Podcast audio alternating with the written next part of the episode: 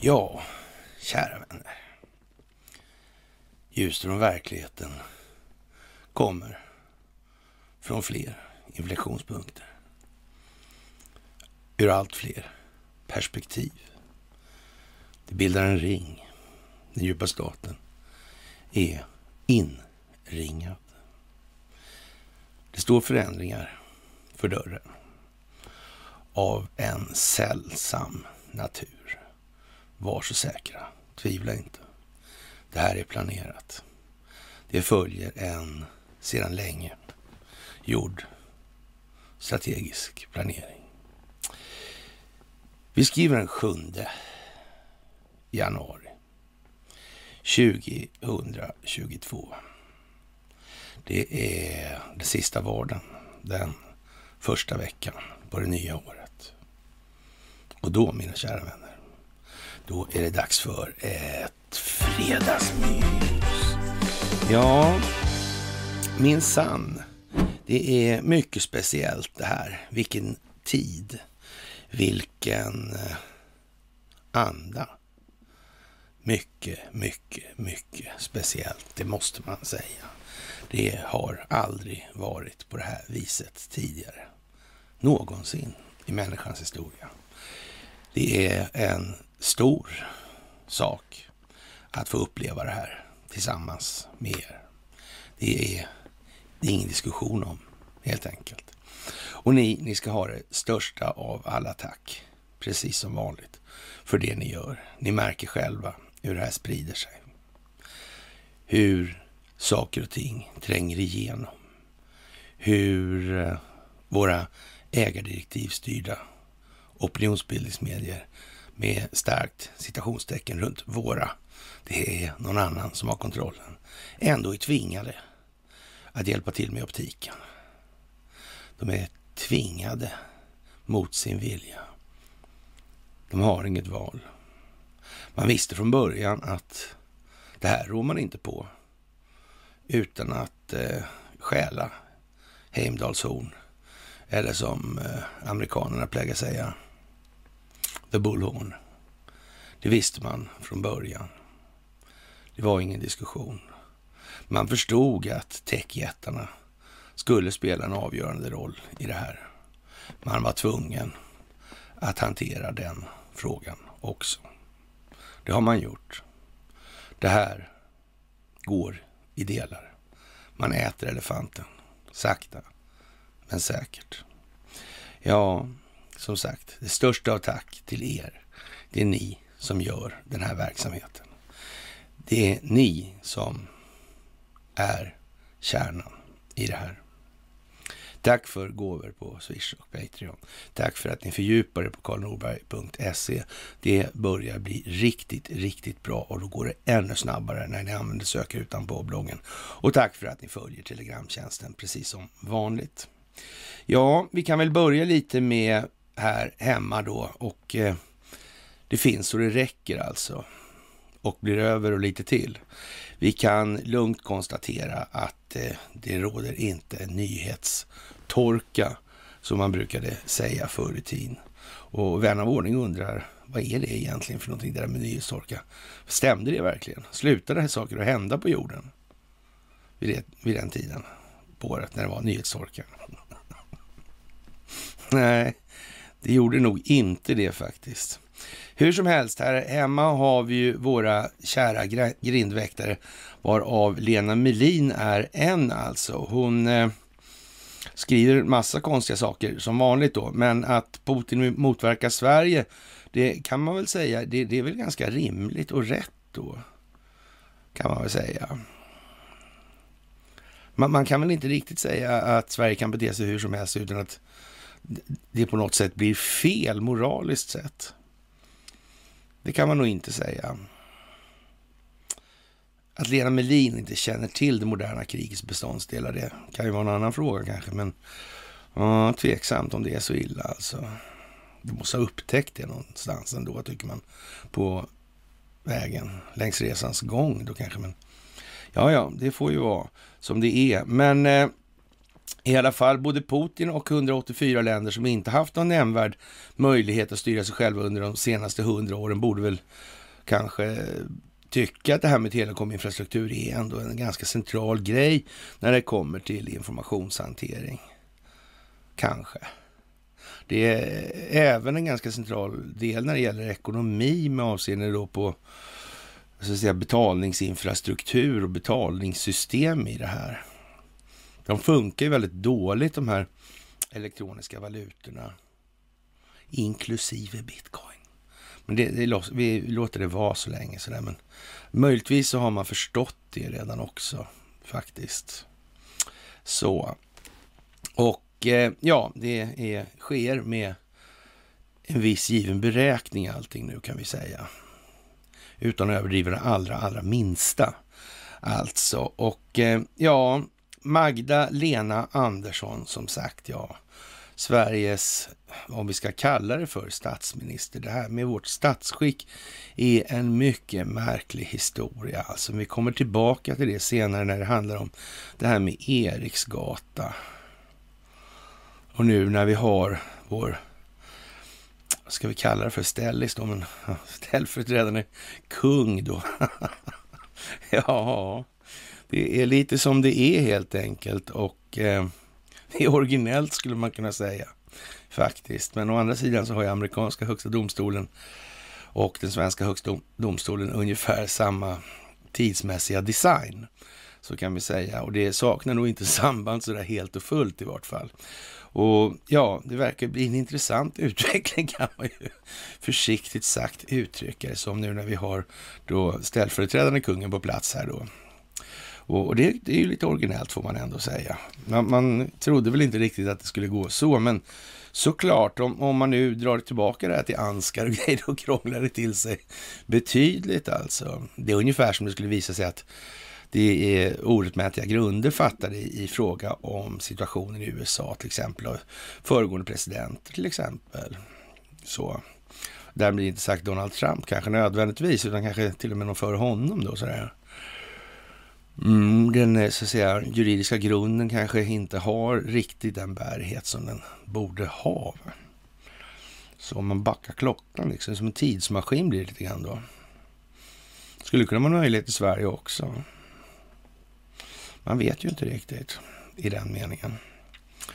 Men eh, en tanke man kan ha i de här sammanhangen, det är ju det här, liksom, hur kom det sig egentligen att den här kungen kom på idén med att ge bort makten? Varför kom han på det? Sa liksom, ja, ni gör det som vi säger kungen, annars gör vi revolt liksom. Säkert. Hur var det där egentligen? Hur funkar det liksom? Inga konstiga grejer det där. Och det är ända bak på 900-talet. Mm, det är ju det. Det är ju det alltså. Jaha, det här med Magdalena och så vidare och situationen i Sverige. Vi har ju delat om Telia och FRA under de senaste åren och eh, ja, det går ju ihop så det blir bara mer och mer, inte minst med avseende på den här situationen i Kazakstan då. Och eh, som vi har tagit upp ett antal mys nu här och det är ju ungefär vad vi känner till om hur det här brukar gå till i de sammanhangen. Och nu skrä, skränar alltså den här skocken med journalister så mycket de bara kan. Fantastiskt. Fantastiskt. Jaha. ja, det är väl självbildsrevision som eh, gäller nu helt enkelt. Man får titta egentligen. Vad finns de här företagen? De här globalistföretagen. Vilka roller har de spelat i vilka sammanhang? Vad har det fört med sig för utvecklingen? Vems intressen har vilka politiska ställningstaganden egentligen gynnat? I akt och mening. Mm. Magdalena, gift med Stefan Friberg. Jakob Wallenberg, professuren på Handels. Mm. Viss konfl vissa konflikter kanske så. Det kan nästan vara lite märkligt alltså. Det kan synas lite konstigt. Många reagerar, många tycker det är konstigt i alla fall. Med detta, kan man nästan misstänka. Ja. Eller de byter kanske keps som Sjökvist plägar göra i Åsa-Nisse. Vi vet ju inte riktigt, men eh, ja, ja, whatever. I alla fall, den här hemska ryska björnen har ju funnits med rätt så länge. Har det här egentligen varit någon sånt där eh, enormt farligt hot eller hur, hur är det där egentligen? Har de här konflikterna och hur, hur är det egentligen med det Sovjetunionen och ryska revolutionen? Vem, fanns det inga anstiftande krafter till det här? Någon finansiering till exempel? Tog de här eh, ledarna några speciella vägar? Eller hur var det här egentligen med allting? De här eh, Stalin, Kollontaj och Lenin och så alltså. Mm. Hur var det där? Jag vet inte. Eller vet jag visst det, men allt fler börjar veta. Allt fler börjar förstå. Allt fler använder bloggen och sökrutorna. Eller sökrutan. Och då hittar man någonting. Och sen kan man länka sig vidare på det därifrån. Det finns artiklar skrivna i olika medier. Det finns källhänvisningar och så vidare. Fantastiskt. Konstigt det här. Ja, ledning till vidare upplysning och ledning. Så är det. Det där med maktanspråk. Vilken jävla ledare med självaktning vill ha makt? Jag menar om man lägger en hel dag på jobbet med att försöka få folk att förstå och, och göra på rätt sätt och, och, faktiskt förklara att det här är faktiskt bäst för alla och inklusive er själva. Ja. Och så slutar arbetsdagen med att man får liksom bryta igenom det där i alla fall. Har man lyckats med det man gjorde innan då eller inte? Nej, det har man ju inte. Och när verkligheten klackar på dörren sen, då blir det som det blir alltså. Och det gäller även för den så att säga, förvaltning och det politiska skick som råder nu. Det är vilseledning det handlar om. Man skyddar ett system som inte alls har den funktion som människor i allmänhet uppfattar att systemet borde ha. Det är speciellt. Det talar väl kanske om en moralisk ståndpunkt eller en moralisk resning hos den politiska adeln. Den understödjande förvaltningen, de jurister som finns där, de tjänstemän och journalister som bygger på narrativet, skapar problemformuleringen, talar om att det är Ryssland som är dumt. Kanske Ryssland har upptäckt att det finns Ericsson där. Kanske man upptäckte i Kazakstan också. Kanske Kina upptäckte. Kanske Kazakstan är en plats geografiskt i pivotarean. Mm. Sidenvägen. Kan det vara så? Kan det vara så att Sverige var skyddsambassad åt massa andra länder? I Nordkorea? Kan det vara så att svenska företag och företagsintressen har sålt reaktorutrustning till Nordkorea? Kan det vara så? Kan det vara på något annat sätt? Nej, det kan inte vara det. Så. Som sagt, vi börjar komma närmare kärnan. ja, ursäkta. Det är ju lite så att man kan inte ta det här i för stora steg. Det vet ni ju nu. Och amerikanerna har ju ett dilemma nu i det här. Dels har de det här med att eh, ja, själva skuldsystemet som sådant inte är särskilt långsiktigt funktionellt hållbart. Va? Det, det är en sak då. Och, och, att de har blivit grundlurade och allt det här då. Det, det, där de hyfsat på bollen lite grann då i alla fall. Men, men så kommer ju det här egentligen funkar det här, det här systemet och det är ju elektroniskt på något vis. Och nog klarar de av i dagens läge att liksom konstatera att T-Mobile och Verizon och de här är stora aktörer där och, och, vem som håller i de här egentligen och vilka samarbeten som föreligger när det gäller hårdvara och för all del en stor del mjukvara också då i de här sammanhangen och vilka som så att säga plockar in licenserna ifrån de andra. Det där är någonting som är svårt och, då kommer, och det går ju inte att säga riktigt än för det är ju inte riktigt moget än och där i USA har man ju den här lilla grejen med valet till exempel som kommer nu här och det blev ju inget sådär eh, Epifanes ögonblick i så mått i då förrgår, men, eller igår då, när det här talet skulle ha ägt rum. Men ändå så kom det ju massor med grejer angående det här valet i USA. Man har tagit en massa eh, folk tidigare, eller folk har erkänt att de håller på med att mata sådana här valurnor för hej vad det går liksom. Och så vidare. Och det är en massa olika grejer som dyker upp här nu som är helt obestridliga. Nu ska det folk i fängelse för de här grejerna. Men man måste ta en sak i taget. Det går ju liksom inte att tala om att man har ett nationellt säkerhetsintresse som heter Ericsson och att det är själva kärnan i den här verksamheten. Det går ju inte där då. Då kommer ju vän av ordning i USA, de är inte, har inte mer tålamod än vad svenskar i gemen har om säger någon så. Så då kommer ju de tycka, vad i helvete har vi inte slagit näven i bordet för länge sedan? Och svaret är ju, det enkla svaret är ju naturligtvis det att det går ju inte att tvätta ut, eller tvätta ur den här typen av korruption som sitter så djupt och bara springa och, och ta de första bästa sådär va. Och därför har den här idén med de här arresteringarna, vilket är ett uttryck som jag avskyr, ja, det har ju liksom alltid varit helt förfelat. Alltså i de här sammanhangen så håller man på med brottsprovokationer, man håller på med stingoperationer. Det är vad man håller på Det är så man kommer ner på djupet i det här. Man gör ju ingenting förrän dess att man är säker på att man inte förstör några andra möjligheter i så motto i det sammanhanget. Det är helt självklart. Det är liksom första paragrafen i de här organisationernas manual för tjänstutövandet. Det är bara så.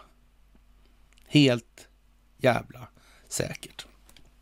Ja, som sagt, stackars Lena Melin, Putin vill bestämma över Sverige. Sverige har aldrig pysslat med någon, så att säga, subversiv verksamhet i varken Sovjetunionen eller Ryssland. Aldrig någonsin.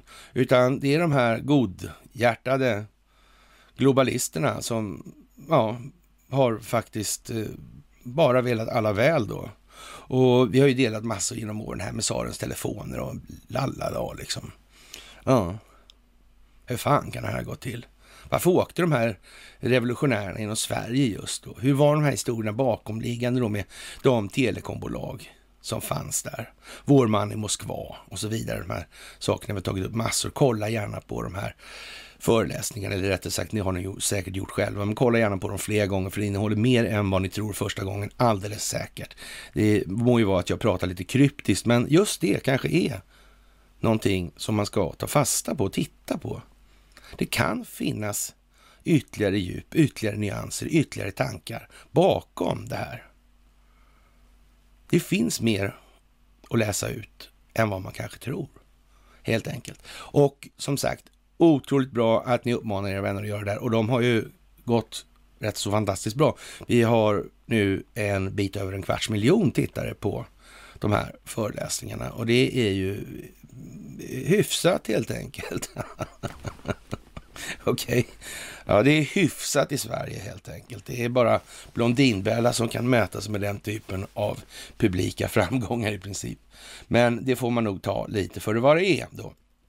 Och eh, som sagt, det här expansionsstoppet då som Ryssland nu framhärdar i, som då Lena Melin är orolig för. Det blir inte roligt. Dagens omslagsbild dessutom. Och eh, ja, att hela vår militära tillvaro bygger på det där med den här alliansfriheten i den meningen. Mm. Men då kanske man ska akta sig för sådana ställningstaganden i de här sådana politiska utspel i den meningen. Man kanske ska ge fan i att hålla med de här oligarkerna som plundrade Ryssland efter Sovjetunionens fall, till exempel. Man kanske inte ska ha de här vinstmaximeringsintressena som exploaterar Ryssland och stödja dem. Kanske verkar dumt. Det är klart att de kanske blir tjuriga i Ryssland när det är på det viset. Och när det gäller den här revolutionen. De har inte glömt det alltså. Inte en chans. Inte en jävla chans. De vet om det här med underrättelsetjänstverksamheten. De känner till det här med kryptograf. De känner till de svenska förhållandena till de tyska underrättelsetjänsterna både före, under och efter andra världskriget. Så är det bara. Kineserna har 200 års erfarenhet av att ett fåtal svenskar på ett brutalt vis lägger sig i Kinas inre angelägenheter. Så att kalla det för den senaste tidens svårigheter kan man ju säga i och för sig, men ändå. Ja, det är ju den senaste tiden, det är det ju. Men nu är det slut på den tiden. Då kommer andra tider, andra förhållanden, andra regler. Det gäller alltså inte minst för svenskt vidkommande. Men vad det blir av det här för vår egen del, det är helt och hållet upp till oss själva. Inom ramen för den omvärld vi lever i. Så är det också. Det måste man tänka på. Och det är nog viktigt att göra det nu för fler än vad som gör det idag. Så kan vi säga. Ja, vad kul. Ja, det är många olika turer hit och dit och företagen hovar in pengar när covid-testningen skenar och från den 31 i 12 då, det vill säga slutet på förra året då, för en vecka sedan ungefär då, så kan man ju säga, eller ganska exakt, så kan man ju säga nu är det andra tester som gäller för då CDC och, och de amerikanska myndigheterna. Och en fråga man kan ställa sig är ju det här om man har tagit de här dubbla sticken då, för man får ju inte säga vax längre då, eller då, eftersom de ändrar tillbaka definitionen då. Och då, då uppfyller ju inte det här några krav i den meningen, så det går inte. Man kallar det för stick eller sådär. Va? Och eh, ja, hur man nu håller på. Och det här är ju naturligtvis någonting som skapar en optik. Det visar att de här företagen, de tänker inte så mycket på den allmänna fysiska välmågan som de tänker på sin egen nedersta rad i balansräkningen och resultaträkningen. Det är ju konstigt. Eller resultaträkningen ska jag säga, förlåt. Ja, det där är ju lite eljest kanske. Det kanske många uppfattar som lite stötande nu rent utav. Kanske det. Kanske det, ja. Mm. Men som alla har märkt så är ju den här covidiotin kraftigt på upphällningen. Det sipprar ut. De flesta förstår att om man har suttit isolerad, om man har tagit flera injektioner och boostershot, om man har gått omkring med munblöja, om man sprider smitta lika bra som ovaccinerade, om man blir lika sjuk som ovaccinerade, ja, då börjar väldigt många förstå att de, de är nog lite lurade, trots allt. Lite grann. Det är lite som ett IQ-test på något vis. Sådär. Mm. Och det kan ju bli lite jobbigt framgent då. Om det går att påvisa att man har tagit det där hur länge som helst. Trist historia kanske. Man kan säga att det skapar i alla fall en avhållsamhet för, från intellektuellt övermod, till och med hos svenskar, det kan vi vara helt säkra på. Och, och efter en och annan grogg på lördagskvällen så kan ju nog en och annan bli lite förbannad eller sur på någon annan och säga, men du din dumma jävel alltså, gjorde inte du sådär va? Det här kommer naturligtvis bli en riktigt bra grej för den svenska befolkningen. En läxa värd namnet, helt enkelt. De var inte att lita på politikerna.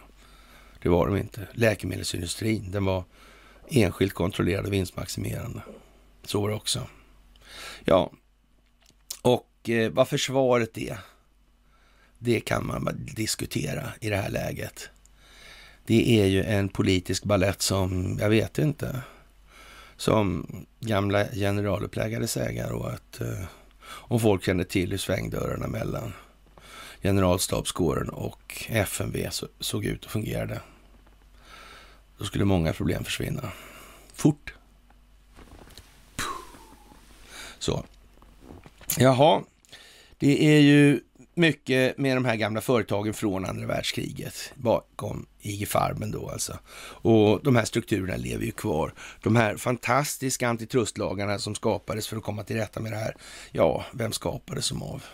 Hur gick det egentligen i Washingtonförhandlingarna? Hur gick det med Boschaffären och så vidare? Vi har tagit upp det många gånger. Vad var det här? Det gäller att komma ihåg de här grejerna.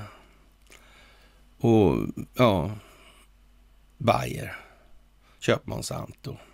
Vad är de här, så här globala företagen egentligen? Vad syftar de till? Bedriver de bara verksamhet för att gynna det allmännas bästa? Eller finns det inslag av vinstmaximering i det här kanske möjligen? Skulle det spela någon roll möjligen för inriktningen? Hur långt skulle ett sånt här företag egentligen kunna gå för att, så tänka på den här kassakistan? Eller skattkistan? Finns det någon gräns? Hur ser den ut då?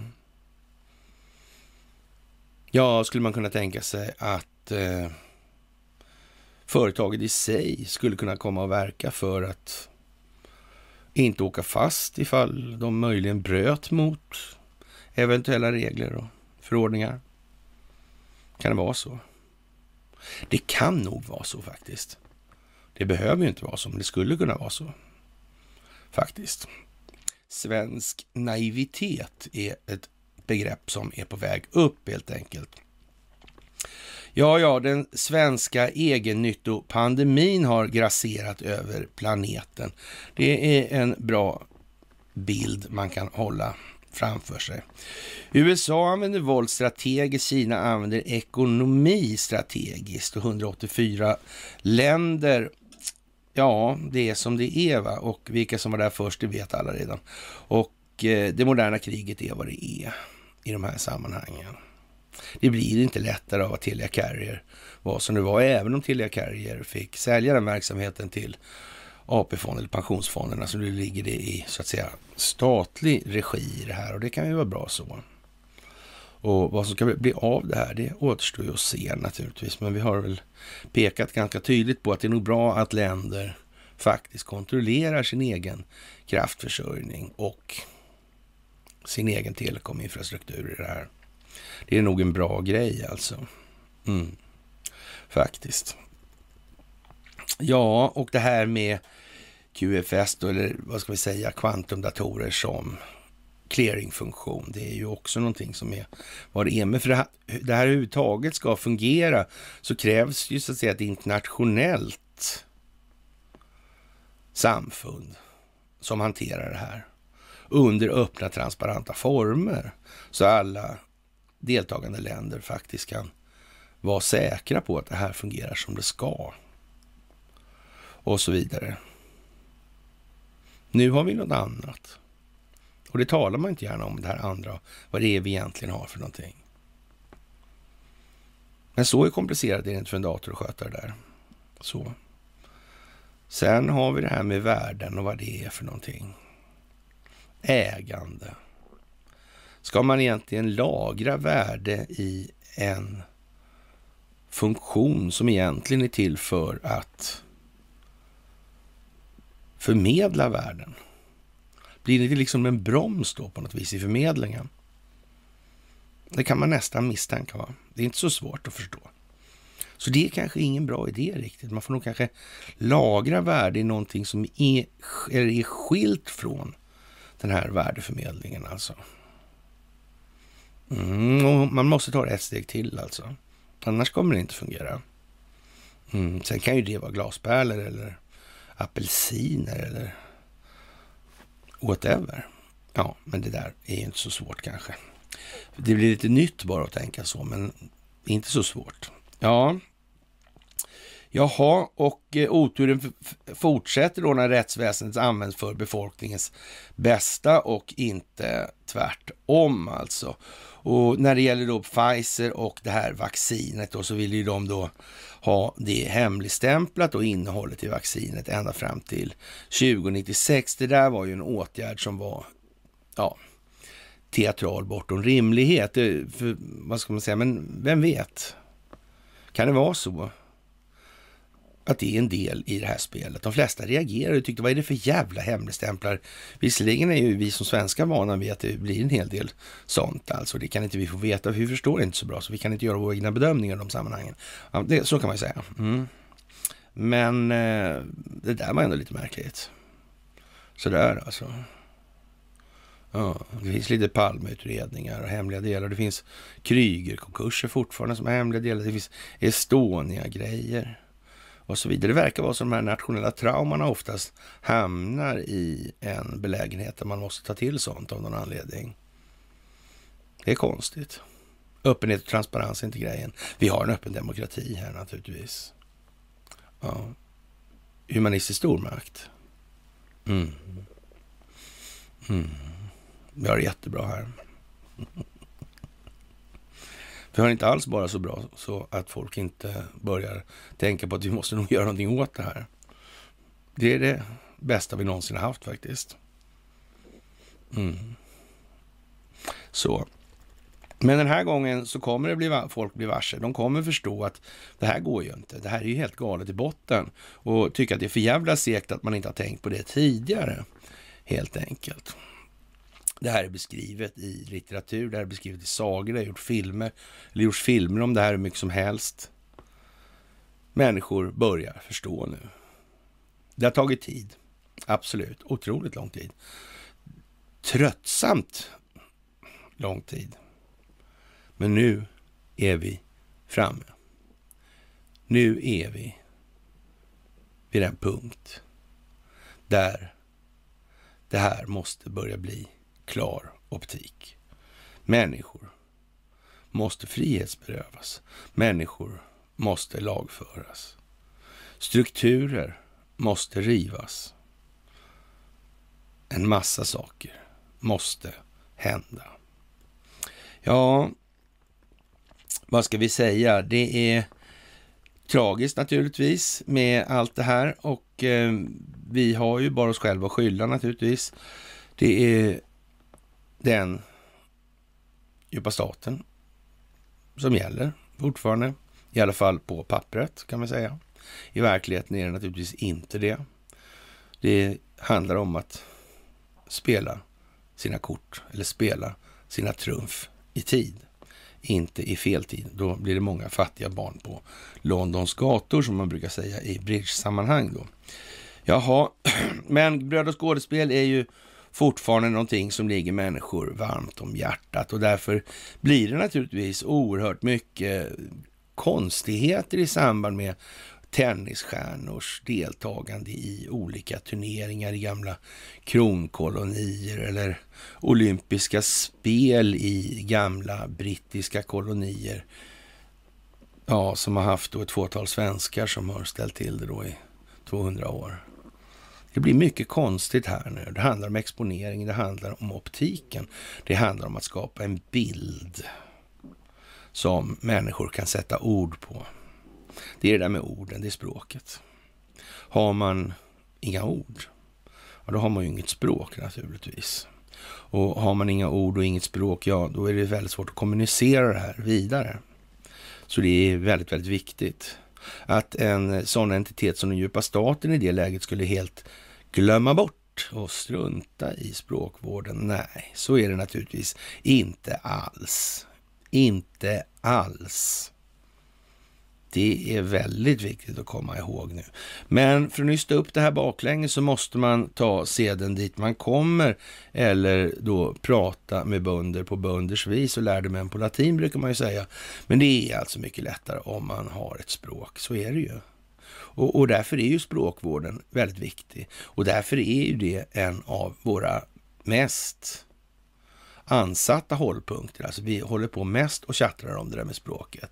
Vi skriver lite mer kryptiskt av den anledningen att människor ska faktiskt göra sig omaket. Att den dator som de ändå sitter med, en telefon, så ska de klara av att googla när de inte förstår. Det är ju själva den vanan, för har man väl fått igång den vanan, om det så går på ett försök eller hundra försök, ja, när det går så går det ju. Mm. Och då är det liksom, sen går det bara snabbare helt enkelt. Det finns en glädje till och med i den här språkliga utvecklingen och språkliga utvecklingen ökar naturligtvis förmågan att beskriva sina egna tankar med ord om sig själv, om sina egna känslor, om sina egna känslogrunder och värderingar. Självrannsakan utan ord. Vad är det för någonting? Ingenting är det. Det är bra att tänka på nu. Det är jätteviktigt. Ja, Sen får jag mycket mess då. Jag är ju fortfarande avstängd. Sitter på isoleringen, eller så att säga i stutabåset.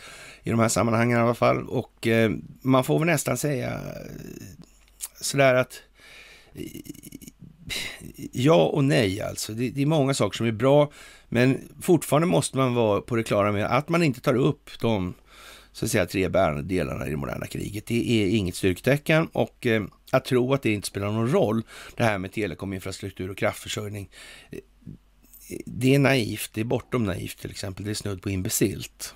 Och sen kan man ju naturligtvis lägga den här då pedagogiska aspekten på det här, lite moget för det än och det måste gå i en viss given ordning för att det här inte ska bli för mycket helt enkelt. Och man bara ska få dissonans och avstötning av de vidare argumenten. Så kan man säga också.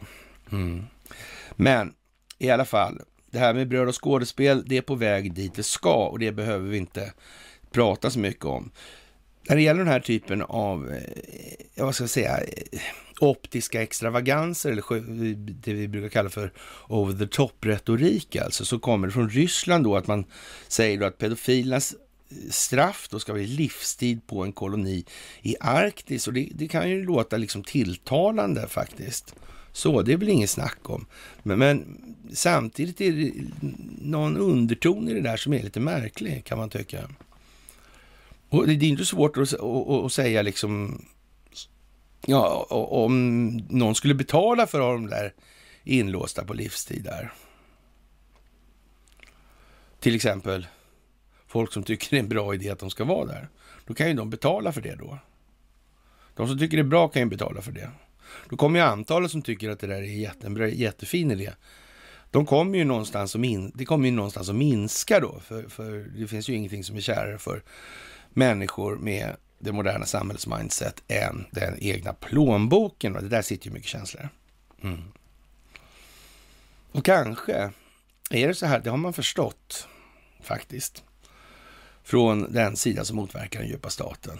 De har också datorer som kan räkna. De kan också räkna preferensgrader. De kan också mäta tangenttryckningar, knapp, eller likes på olika sidor och så vidare. De har ett oöverträffat informationsunderlag historiskt sett gällande människan.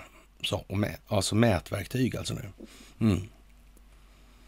Fattar de inte bättre beslut nu än tidigare, då, då, är det illa. Då är det illa. Men det gör de. Det är helt säkert. Helt jävla säkert. Ja, jaha, och sen så, ja, i Aftonbladet då så skriver en Thomas Engström där om det här med Ghislaine Maxwell och jag vet inte. Även en vit rik kvinna kan vara en hallick får han till det där då. Och det är väl svårt egentligen att säga. Vad är det här för någonting? Är det liksom en... Försöker han ge sken av det här är en genusfråga? På något vis. Jag menar, jag vill minnas att bland de så att säga, tråkigaste diktatorerna eller diktatriserna kanske det blir, jag vet inte. Men, men eh, i alla fall, det har ju varit en del kvinnor som är sådär halv... Ja, inte helt humanistiska i alla lägen alltså. Och det visar sig ofta att sådana här människor också som ger, ja, den här nobelpristagerskan i Myanmar eller ja, Moder Teresa och sådär. Det verkar finnas en annan sida ofta i det där alltså. Ja. Men kan det vara så att de, även kvinnor alltså på något vis, har då anstrykningar av tankar gällande filosofisk materialism till exempel. Kan det vara så? Eller är kvinnor totalt osårbara för det? Är det vanligt med kvinnor som offrar sina egna barn för andras? Till exempel. Vore det lämpligt ur ett rent biologiskt perspektiv i naturen att det är så? Det kanske inte är så faktiskt, att det vore så lämpligt. Och kanske det är bra faktiskt att man håller sig till vad som är vad i det här. Att man inte försöker, sig, försöker göra sig några illusioner som faktiskt inte har bäring på verkligheten. Vem som skulle tycka det var bra med sådana illusioner? Det är, om man drar det baklänges, givetvis den som har konstruerat den här typen av tankefoster. Eller ska vi säga genmuterat den här typen av tankefoster med hjälp av klist, klipp och klistra och en gensax då, höll på att säga, men metaforiskt uttryck alltså. Ja, det är ju som sagt, är det hårlagsbusiness så är det. Det handlar inte om någon jävla lallarverksamhet med pedofiler på det viset. Det är inte därför Israels premiärminister vimsar runt där med hela sitt säkerhetsentourage. Jag menar, hade det varit gängse då, då hade ju naturligtvis Ja, de hade ju bara hävdat att det var det, det överfall där inne när de var inne på besök och, och alla de som var där inne hade vapen och nu har de tagit vapnen och det Eh, diplomatisk immunitet på allt det här. Och de kan helt enkelt höra av sig till ambassaden om de vill någonting och sen inte mer med den saken. Det fungerar inte riktigt så här banalt så att det, som den här Thomas Engström sätter förutsättningarna för. Det, det gör inte det. Det är inte alls så det här går till. Inte på långa vägar. Och det handlar som sagt om djävulen och det handlar om detaljerna hela tiden. Och jaha, de vill ju ha ensamrätt på Hållhaksaffärerna då, då. Ja, det är liksom bara så. Tassar man in där? måste vara det mest imbecilla man kan ta sig för, kort sagt. Och om man har då en sån situation som Glenn Maxwell, som har farsa Robert Maxwell då, som finns i anslutning till Hambrobanker och Sverige och bla bla bla liksom. Mm.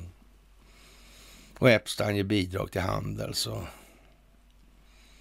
det sitter ihop med Heckscher som sitter ihop med Ostasiat som sitter ihop med Green Carrier som så vidare och så vidare och så vidare. Det är som det är bara och inget annat.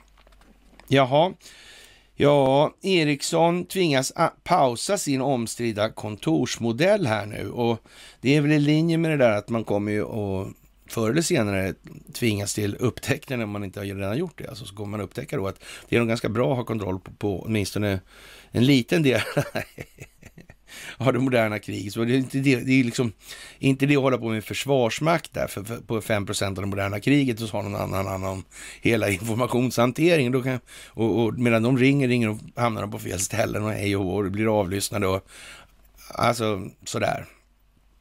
Det, det kanske är ingen bra idé helt enkelt. Det är kanske bättre idé att ha hand om det här själv på något vis och, och det skulle kunna vara så i alla fall, men, men ja, vi är inte riktigt där än. Vi är inte riktigt där än. Efter årsskiftet skulle telekombolaget Ericsson ha sjösatt en ny arbetsorganisation baserad på en hybridmodell. Tanken är att erbjuda medarbetare med fle mer flexibilitet att jobba hemifrån samtidigt som möjligheten ges till möten och samarbeten i kontorslokaler och som får ny design alltså. Och eh, ja, globalt ska företaget krympa kontorslandskap kunskaperna till kostnaden alltså, till förmån för större sociala och kreativa mötesplatser, en omskrivning då. Ja, fler pilotprojekt pågår därför runt om i världen för att testa den nya modellen, bland annat på rd avdelningen för mjukvaruutveckling i Kista och pandemiläget med den smittsamma omikronvarianten innebär att Ericsson nu väljer att pausa planerna, skriver Dagens Nyheter. Och det är klart att det inte är värt att lägga fem öre till på det där om det står helt, ja, ska vi säga, monumentala förändringar för dörren, vilket det på något vis förefaller göra då med avseende på att det moderna krigets beståndsdelar ser ut som de gör då och den roll som telekominfrastrukturen faktiskt spelar i de här sammanhangen. Det går alltså inte att reformera det valutafinansiella systemet utan att ha kontroll på telekominfrastrukturen i ett land. Det är helt omöjligt alltså. Det, det går inte bara. De som sitter på växlar alltså, eller på transmissionerna, de sitter där helt enkelt. Och, och, så enkelt är det. Så det här förstod naturligtvis det amerikanska utrikesdepartementet i efter en viss tid, ska jag väl säga, då, under Donald Trump så gjorde man det och sen tog man hand om det. Men det här har man ju tagit hand om så för länge, länge, länge sedan då naturligtvis. Vi ska gissa på att när Donald Trump klev in genom dörren på Vita huset så var det här då redan sedan länge i säck. Sen kom det på sig. Ja, och och eh, ja, vi kommer inte att införa den hybrida flexibla arbetsmodellen i Sverige i januari och har inte satt något nytt datum för det ännu, märkligt nog då. då. Skriver företagets presstalesman Mikaela Idemark Stern i ett mejl till Dagens Nyheter. I Sverige har planerna på att anpassa kontoren efter hybrida arbetssätt mötts av protester från fackligt håll. Man anser att processen har gått för snabbt och att oklarheter finns kring hur många arbetsplatser som blir kvar för de flera tusen, ja, vi kan väl säga så att flera tusen utvecklingsingenjörerna som jobbar i Kista. Farhågor finns också för att samarbete, innovation och kunskapsöverföring försvåras när team som vill samlas på kontoret måste boka platser. Och eh, ja, vad kan det vara som ligger i pipen här tro? Vad kan det vara? Vi var garanterat först på jorden med att hålla på och tjata om det här. Och vi ser det komma längs vägen. Men det är som sagt, nej, det är inte liemannen här. Han ska inte till oss i alla fall. Det är det inte. Nej, nej, det är nog bra. Ja, som sagt, någon skriver att möjligen är större anpassningar än själva kontorslandskapen som står för dörren. Och det kan man ju säga någon annan gammal polare från hockeysammanhang säger ja det får vi fan hoppas. Han är i alla fall lite på sådär. Så det läggs inte så mycket fingrar emellan där. Jaha, och så har vi Haiti till exempel och det är ju en riktigt tragisk historia, inte för Hillary Clinton och Clinton Foundation som har ägnat sig åt en ganska så grov förskingringsverksamhet i de här sammanhangen när det gäller bidrag då. Och i för övrigt när det gäller all ekonomi så kan man säga att det finns en oerhörd mängd tveksamhet i det här. Och det här är någonting som John Durham tittar på naturligtvis. Hur har de här pengarna gått egentligen? Har det varit pay to play i de här sammanhangen? Vilka roll har de här organisationerna eller haft då egentligen när det gäller till exempel det här med Russiagate? Det ena leder till det andra hela tiden och eh, det är det här med Sassman-fönstret alltså. När man öppnar det här på glänt kommer det in lite ljus som drar med sig en massa andra saker.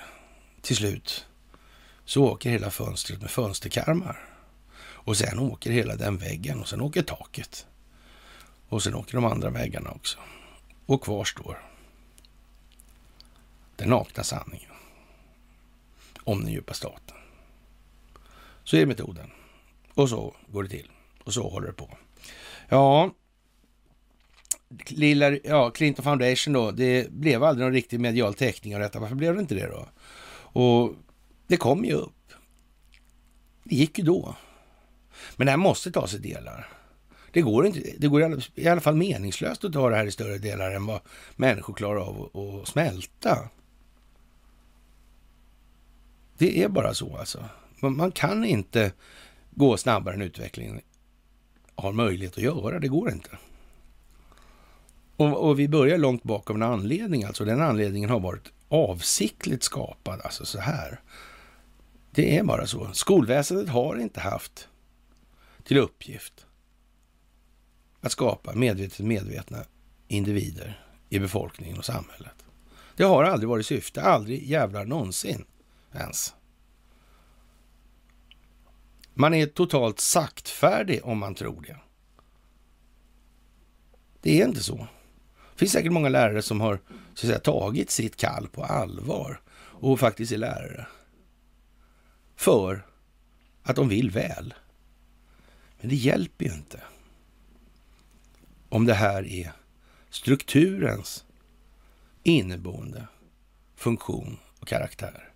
De blir motarbetade, de blir obekväma och så vidare. De passar inte in, helt enkelt, i den här allt mer snäva åsiktskorridoren. Vad är PK? Vad är comme il faut? Och så vidare. Ja, det är ju rörigt på Haiti och den här premiärministern, han eh, har väl haft lite tjurigt på sista dygnen.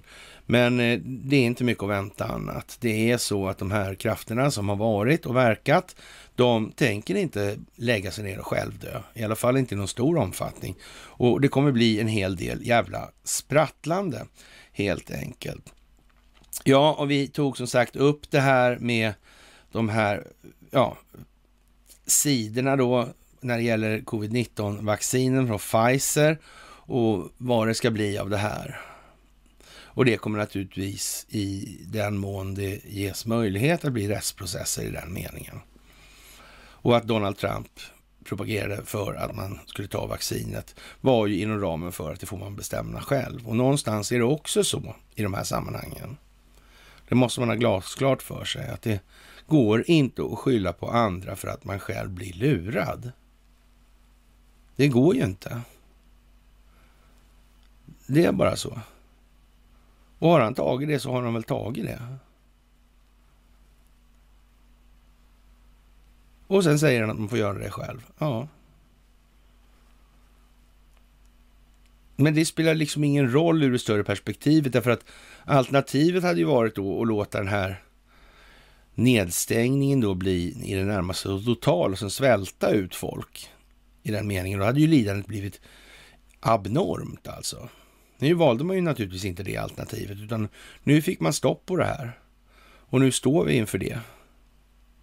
Och så många har inte skadat så mycket som hade varit fallet om det här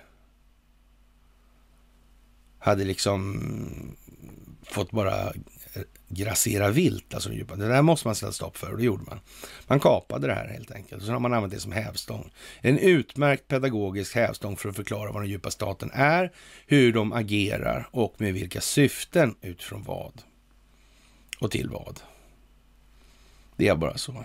Och där är det ju som sagt lite olika. Vi kan inte hålla oss med amerikansk pedagogik i den meningen eftersom vi sitter liksom med Ericsson runt om oss i rummet överallt hela tiden. Ja, vi sitter med SE-banken, Swedbank och så vidare.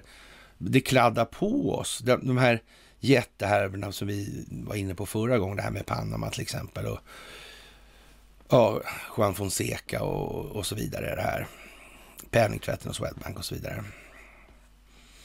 Det här är ju liksom de som har haft att hantera det här, de har naturligtvis gjort det grannlaga. Alltså det, har, det är planerat noga.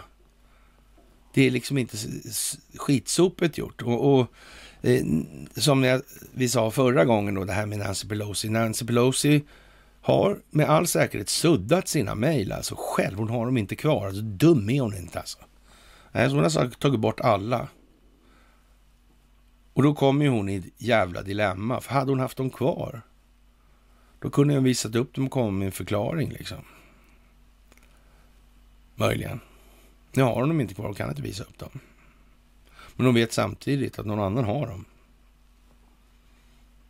Hon är inte så sugen på valet 2022. Noga räknat är det massor med demokrater som inte är så sugna på det valet. Ännu bättre är att de ska gå till botten med det här upprorsförsöket då den 6 januari. Vilka som var inblandade i det på riktigt. Undrar vilka mejl det är som Nancy Pelosi har suddat. Vilka kan det vara? Ja, och den här skåken med gökar från FBI och andra underrättelsetjänster som var insyltade i det där också. Konstigt det där va? Jättemärkligt. Eller inte så märkligt kanske. Men som sagt, det tar tid att bilda den här optiken för att människor ska få den bild som de klarar av att sätta ord på inför sig själva och andra. Det är bara så. Det tar tid. Det går inte så snabbt som man ofta önskar. Det är arbetsamt. Det är jobbigt. Människor måste släppa sina egna känslogrundande värderingar i det här i en inte obetydlig omfattning. Så är det också. Ja, på tal om utgående modeller så kan man ju säga då att den här ikoniska mobilen Blackberry som faktiskt var krypterad sades det då också. Och man kan ju säga när det ikoniska märket går i graven i SVT så är det en bild på Hillary Clinton som cirkulerade i samband med den här Benghazi-gate-härvan som Trey Gowdy utredde då från kongressens sida, då, eller underrättelsetjänstkommittén där. Och det här är ju mycket speciellt alltså. Och där kommer ju den här uh, Sidney Blumenthal in alltså. Där kommer vapenhandlarna in. Det är Khashoggi och det här gänget alltså. Mm. Ja, det är det muslimska brödraskapet. Det är det. Det är konstigt. Och sen är det SEAL Team 6. Det där är speciellt alltså. Det där kommer tillbaka. Det kommer tillbaka i samband med Durham. Helt säkert. Tids nog. Det kommer inte för mycket. Det kommer inte för lite. Det kommer lagom.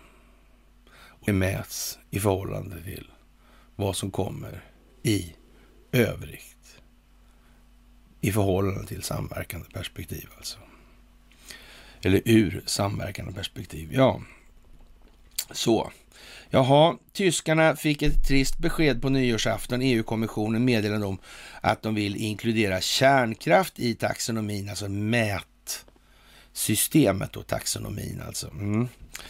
Och EUs eh, e klassificering på hållbara energislag, den rödgröna tyska regeringen har stora problem med trovärdigheten och nyligen behövt gå ut med att landet kommer få svårt att nå sina klimatmål de närmsta åren. Och det här är ju naturligtvis fantastiskt.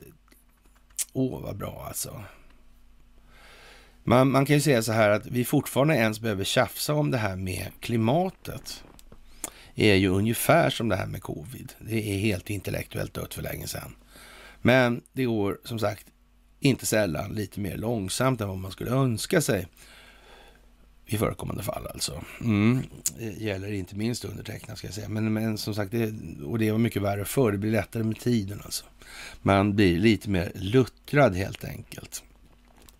Och det här med kärnkraften då, hur farlig är den? Jag är intresserad av att se hur de här klimatmänniskorna faktiskt berättar. Hur, hur är det här egentligen med kärnkraften? Hur farligt är det? Vet de det då?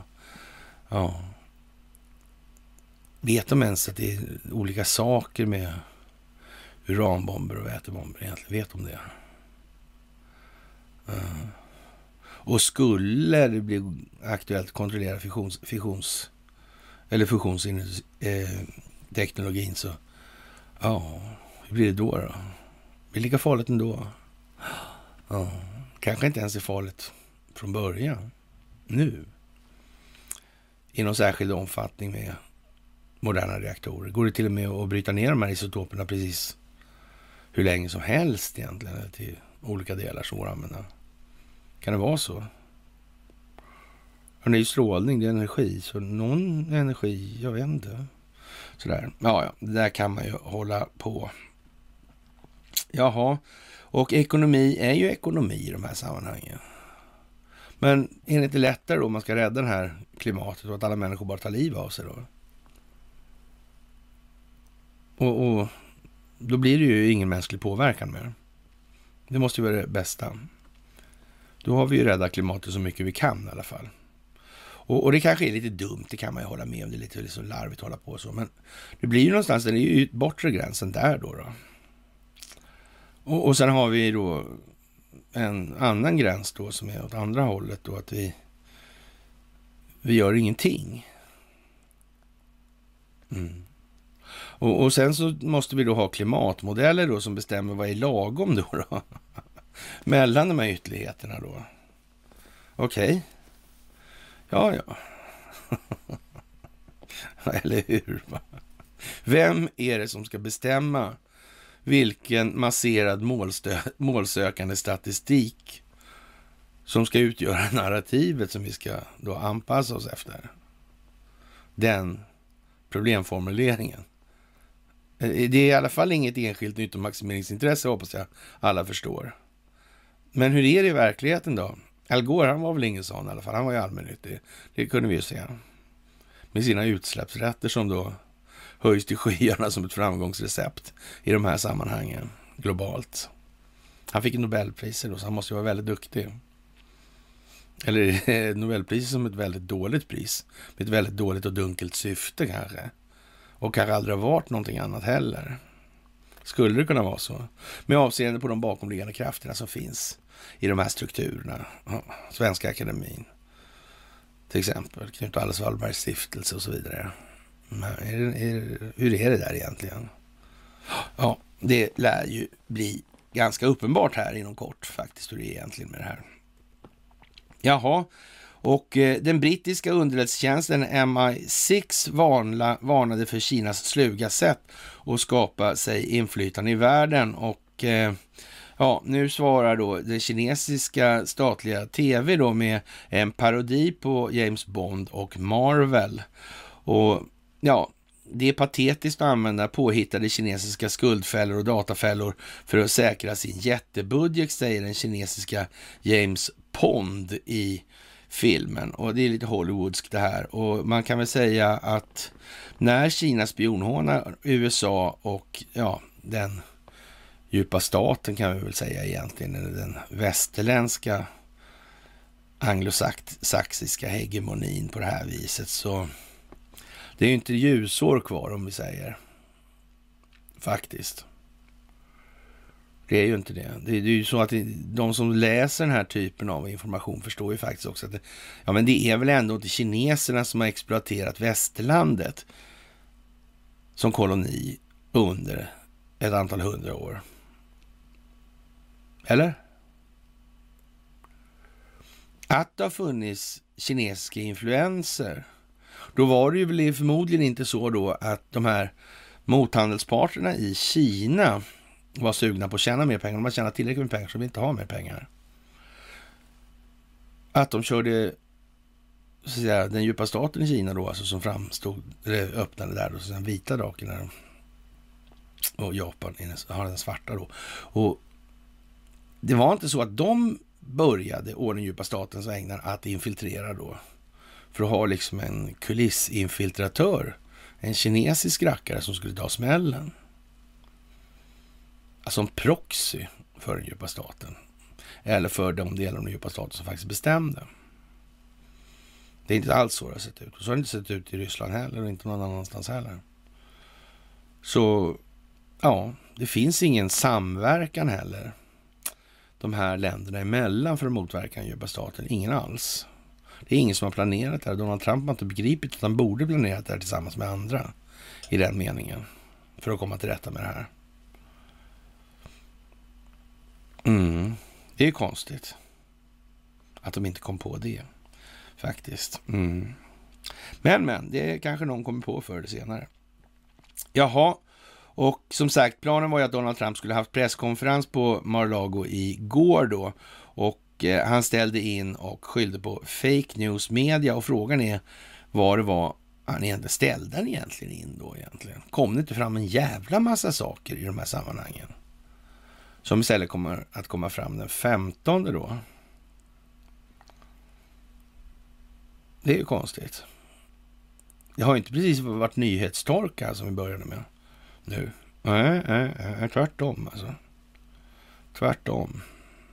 Kanske de här delarna på något vis banar väg. Eller bereder väg för någon som kommer vid det tillfället. Som vi sa förra gången att det skulle göra så. Kanske det är så ändå alltså. Det kan ju vara så. Mm. Faktiskt. Jaha, och eh, i svenska medier så är ju det här då det, det galopperande vansinnigt inkarnerat ifrån Donald Trumps sida och alla de här eh, foliehattarna som följer honom och, och tycker att det här är, är ju lite halvdåligt med, med faktiskt den här eh, valproceduren till exempel och och så vidare. Och de här sakerna som kommer fram nu i, det, i den meningen, de är ju inte bara graverande, det är ju liksom förödande för Lena Melin och gänget då, eller Anders Lindberg eller Wolfgang Hansson eller ja, you name it alltså. Ja, ja. Som sagt, det är mycket med vår historia som måste faktiskt eh, ja, komma i dagens ljus av verkligheten alltså. Det är bara så. Ja. Trump fanns efter Bidens attacktal då alltså. Det var en fälla svarar Donald Trump. Så nu är vi ju nere på den nivån att nu var så att säga hejaklackarna står och skriker till varann. I det här. Lite grann då. Mm. Men nu är det i alla fall så att den hejaklacken som hejar på Donald Trump, de skriver ju faktiskt någonting som åtminstone teoretiskt skulle kunna ha bäring på verkligheten. Vad Joe Biden står och skränar om, det är ju som sagt, han är ett underlivsporslin. Han är som gjord för att ta emot skit därmed och eh, ja, passande nog helt enkelt. Det är vad han gör och det är vad han har gjort och det är vad han ska komma att göra så länge det nu varar i den meningen. Ingenting annat i något som helst sammanhang. Ja, som sagt, ja, vi får väl, eh, vi har de mest kontrollerade medierna i väst då och eh, det blir ju vad det blir alltså. Vi har de mest kontrollerade medierna i, mest, i väst där alltså. Och ja, säg till exempel Nigel Farage och han har väl hämtat det någonstans antar jag då. Han, kanske han är ju från England så han, vem vet alltså. Han kanske känner till det där med Red Bee. Och, och, det var väl knappast så att han förväntade sig att han kunde gå till den svenska befolkningen och gnälla på att Red Bee kontrollerade allting som BBC höll på med. Det tror jag inte, nej. Nej, så var det nog inte. Så det, det kan vi nog glömma helt enkelt. Ja, ja, som sagt. Efter det här ryska kravet i alla fall så är då Magdalena Andersson i krissamtal med Finland då. Och det här är väl inte så mycket att be för. Magdalena har ju sin eh, trohet åt någon håll. Alltså det, det, det är ju en hedervärd grej. Sen att det kanske möjligen inte blir så bra på slutet. Men ja, det är ju i alla fall bra att vara en tapper sådan, vad man nu är för någonting. Det är i alla fall en god egenskap i alla fall. Jaha, och svaret till Putin är att då i de här sammanhangen med de här kraven i Sverige är det vi själva som bestämmer hur vi gör alltså. Ja, det är ju det. Men nackdelen är ju att det är det i andra länder också då. Och är det så att man tidigare har haft en ganska stark påverkansroll i andra länder, då är det kanske inte så helt självklart att man ska räkna med att alla andra länder vill en väl i de här delarna. Men varför skulle de? Den dagen de kommer på, det är en dag. En, den dagen de kan förändra den situationen, det är en annan dag. Och, och vad är det som får Eh, någon att tro att de kineserna skulle vilja fortsätta med den här typen av hantering? Den här typen av exploatering av sig själva? Ja, det går ju bra så länge man har den djupa staten eh, på, eller den djupa staten har den djupa staten på bärande positioner och funktioner. Det är ju så, men, men sen alltså? Nej, det vet jag fan. Det där är liksom, det där borde man faktiskt på många håll tänka till lite grann på. Som sagt, det är svensk grund raseras om ryska krav blir verklighet, säger underlivsporslinet. Och, och det får man ju, ja, faktiskt dra ur fler perspektiv också. Man kan ju säga så här då. Jo, men vänta nu här alltså. Om inte väst får expandera österut så raseras den svenska grunden. Men alltså allvarligt talat här nu. Den här jävla Y-fronten alltså. Bydén. Det är ju minsann ingen skitsamlare av någon liten rang det heller.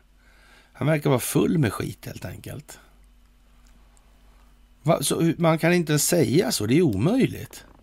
Och va, va, varför vad, är det som... Den bygger på alliansfrihet, fine liksom. Ja. Men, men eh, i det här så står det ju liksom, det står ju ingenting om att Ryssland ska expandera västerut. Men det ligger på något vis med som en, eller som ett axiom, en given förutsättning i de här sammanhangen. De har inte tillräckligt med land, de har inte tillräckligt med naturresurser, de har inte tillräckligt med någonting helt enkelt. Äh, och Putin är världens rikaste människa. Mm. Och svenska politiker har faktiskt aldrig ljugit någon gång. Mm. En sosse talar alltid sanning, tror jag det var någon som sa här förleden. Och, och det här är ju inte särskilt bra då, kan man inte säga. Och eh, ja, Österrike är ju vad det är och det har vi ju pratat mycket om. Vi pratade om det senast och det har fan inte blivit bättre sedan dess då. Och eh, sen kommer vi till den här frågan om den här rökstenen som har varit uppe några gånger. Vi har delat den där filmen om rökstenen som försvann då. Nu kommer ett litet fint klipp här med det här med Eriksgatan. Vad är det för någonting egentligen? Hur funkar det där? Det var med kungen att göra. Va? Utnämnde kungen och så var det liksom landskap då på något vis. Det var så man valde faktiskt kung till och med i det här sammanhanget. Det här är gamla lagar det här också. Och, och sen hände ju någonting på vägen och då valde då kungen att ge bort bestämmandet eller makten då till befolkningen av någon anledning. Eller var det någon annan som klev emellan som egentligen konkurrerar med kungen då kanske? Och skapar den här illusionen av att det var befolkningen som hade möjlighet att bestämma någonting. När det inte gick längre, när så att säga informationshanteringen i det allt mer moderna kriget då började göra gällande att eh, nu måste de nog få en brödsmula liksom, annars så kommer de göra revolt.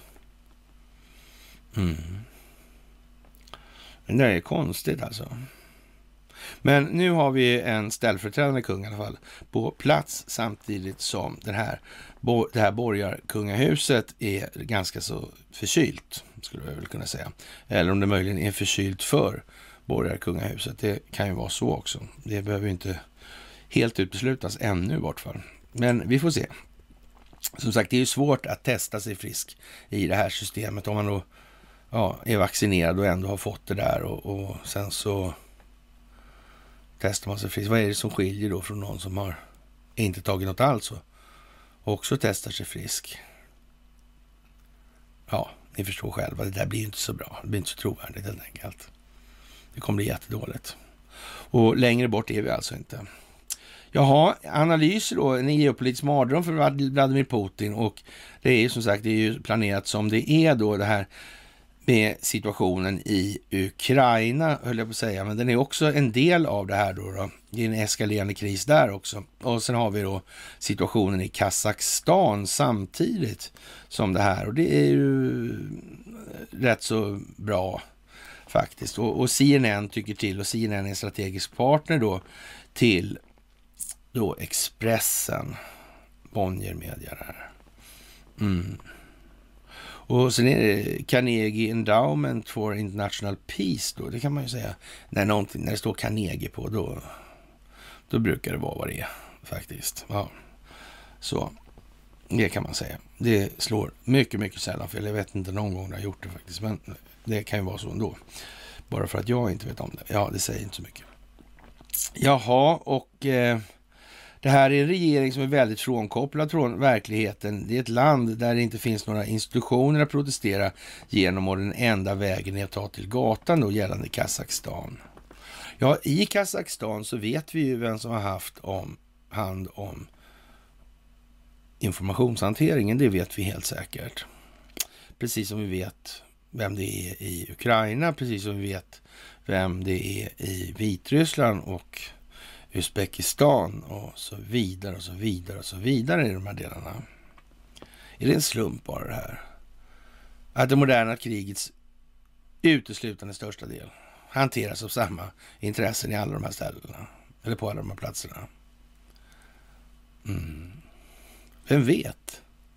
Kanske inte ens är värt att bevara den så att säga, rådande strukturen som finns på plats just nu. Men man ska nog inte ge sig på något skifte just nu.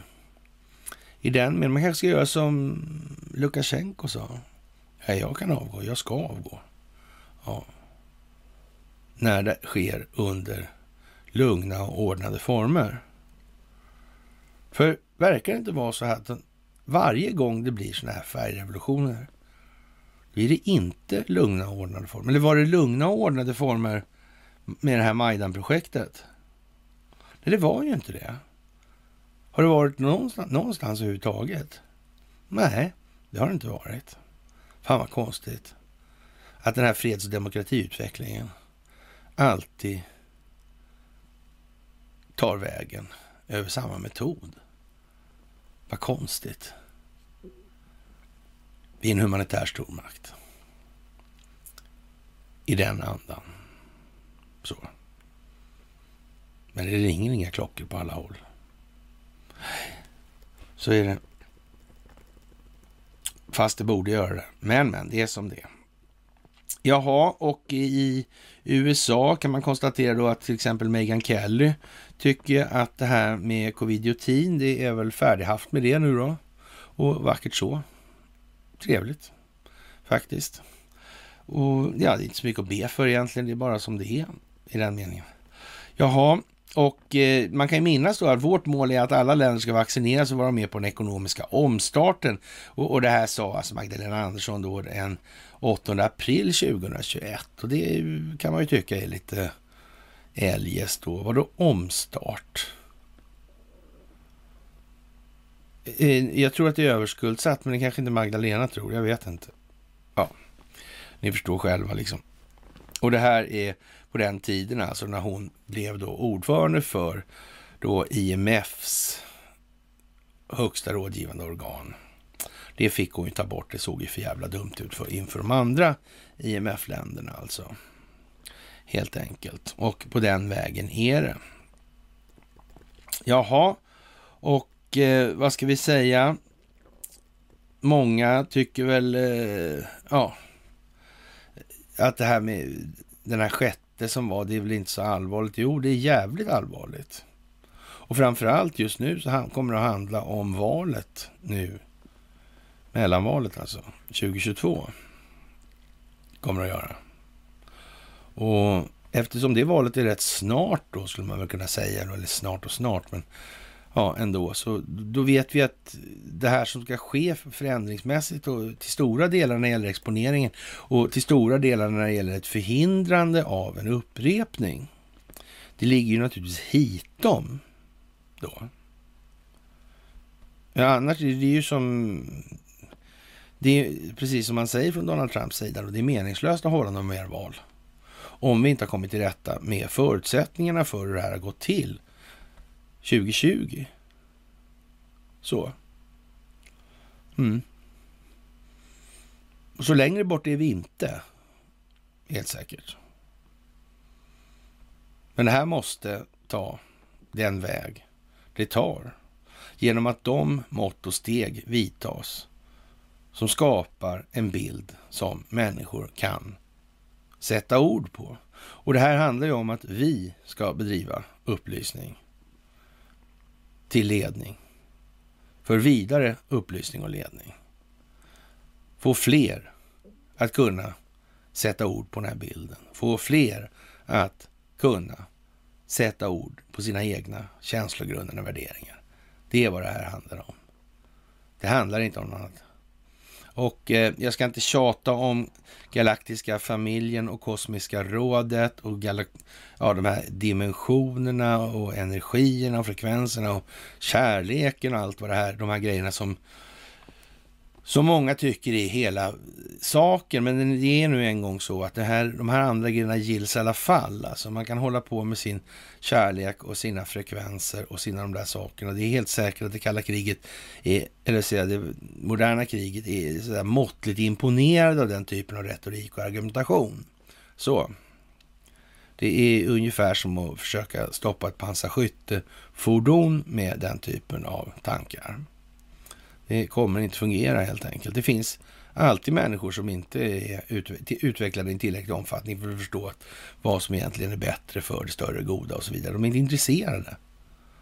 Och för att skydda så måste människor bli mer.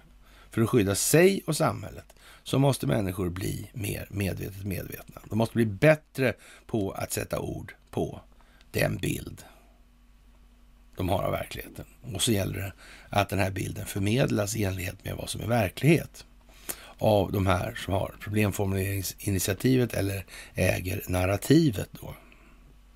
Det här är ju faktiskt rätt lätt nu. Jag tycker det är väldigt bra att ni faktiskt kan det här.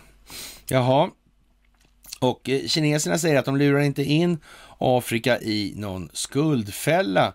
Men eh, ja, vad ska man säga? De lägger till en grej i det här och det, det där är spekulationer från några som har bakomliggande motiv då. Jag vet inte vilka det skulle vara. Kanske är det några som är, som är åtalade för folkrättsbrott och sen skulle de kunna vara en del i det kanske. Finns det någon eh, telekominfrastruktur på den afrikanska kontinenten? Kanske. Finns det kanske på latinamerikanska kontinenten också? För Kina försöker ju faktiskt etablera sig där också och har gjort det till en inte ringa omfattning gick vi igenom här om förra myset då. Det är lite bra att tänka på det här nu tror jag faktiskt. Jättebra skulle jag säga. Ja, trevligt faktiskt. Och eh, ja, Joe Biden han skroderar ju på där om Donald Trump och det är ju vad han förväntas göra helt enkelt och ingenting annat. Och som sagt, sportfånarna eller sportentusiasterna då, de eh, börjar väl ställa sig upp lite grann då och det finns en skidåkare där som tycker att ja, nej, jag tänker inte ta någon tredje dos. Det här verkar ju konstigt. Alltså, för sen börjar de snacka om fjärde direkt och det gör man ju redan nu. Och sen är det sjunde, tionde, elfte och tolfte och sen så Ja, när du får, kan man få det ändå då? Så, ja, hur ska man visa att man... Det går inte att testa att man inte har det då. Men, testerna klarar ju inte, inte av att skilja de här. Men nu de nya testerna kanske möjligtvis klarar av det då. Men jag vet inte. Men då gör det ju ingen skillnad i förhållande till någon som... Ja, inte har tagit det alls då alltså. Men det kanske inte blir så bra. Det kanske inte blir så bra helt enkelt. Jaha. Kinas visioner om den nya Sidenvägen, det kommer bli det största infrastruktur. Det här är ju ett tag sedan, alltså från 2020. Det handlar alltså om den här historien i Kazakstan också. Det måste man också eh, tänka till lite här på. Det här blir ju inget sådär skitbra för den djupa staten. Det är ju så. Och vi delade då med Äpplets hemland och det är just Kazakstan där och det finns eh, där i Kazakstan så finns det något som heter Astana som är byggd för den här sidovägshistorien. Mm. Den var nog inte byggd för judiska konspirationer som folk försökte med direkt där då. då. Nej. Och kasarmaffian. Nej. Eh, varken kasarmaffian eller judiska konspirationer klarar sig särskilt bra mot dem som har kontrollen över informationshanteringen. Det är bara så. Ja, faktiskt.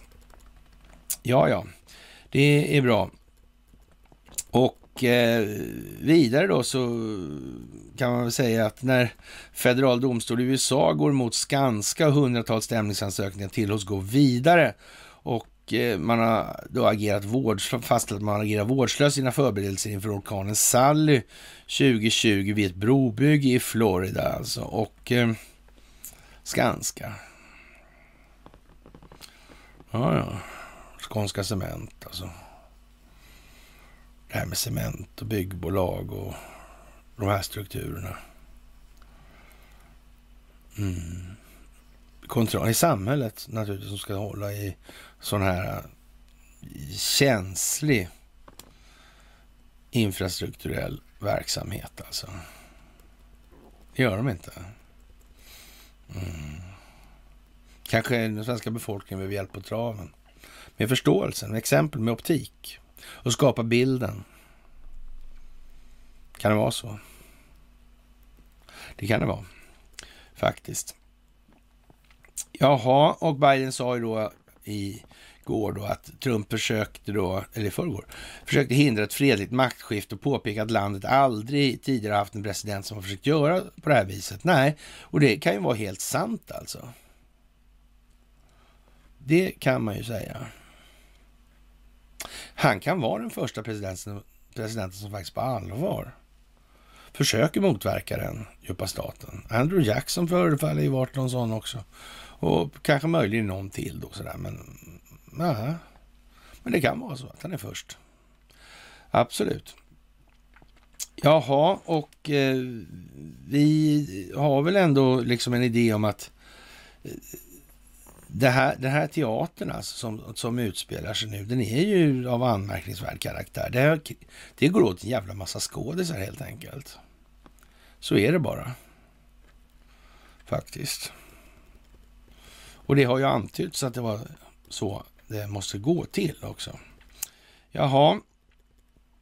Och eh, Dominion, voting, eller röstmaskinerna där, de har panik då i Pennsylvania därför att eh, ja, de här maskinerna är naturligtvis inte säkrade för några val nu. Det får inte finnas internetanslutning och det får inte finnas både det ena och det andra. Och eh, det här blir ju lite sådär halvtokigt och de skulle ju aldrig ha tagits i bruk då överhuvudtaget eftersom de här inte uppfyllde de krav och eller kravspecifikationer som ställs då. Men det gjorde de i alla fall då av någon anledning. Och nu vill de inte lämna ut och till, lämna tillgång till de här för kontroll då. Utan hävdar ju då att de kommer förstöra de där maskinerna och det är naturligtvis som det är med den saken. Och eh, i till exempel Georgia där så ändrar man på vallagarna i de här sammanhangen.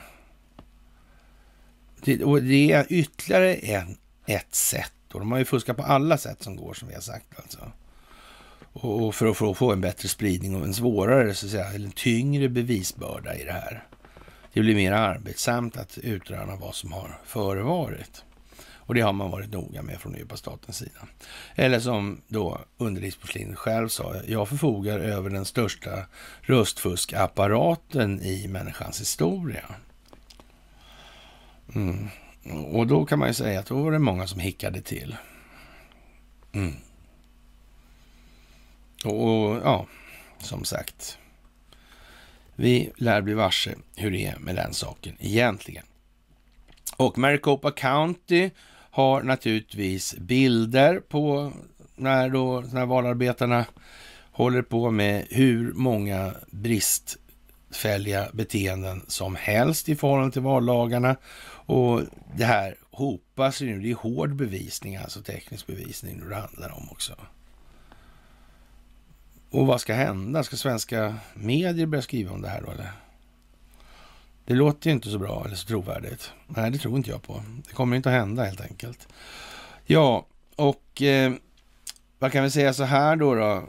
USAs justitieminister Merrick Garland har fått kritik från demokrater i kongressen för att inte ha gripit tillräckligt många organisatörer bakom stormningen av Kapitolium Garland svarar att utredningen är långt ifrån över och det är där, det är poängen alltså.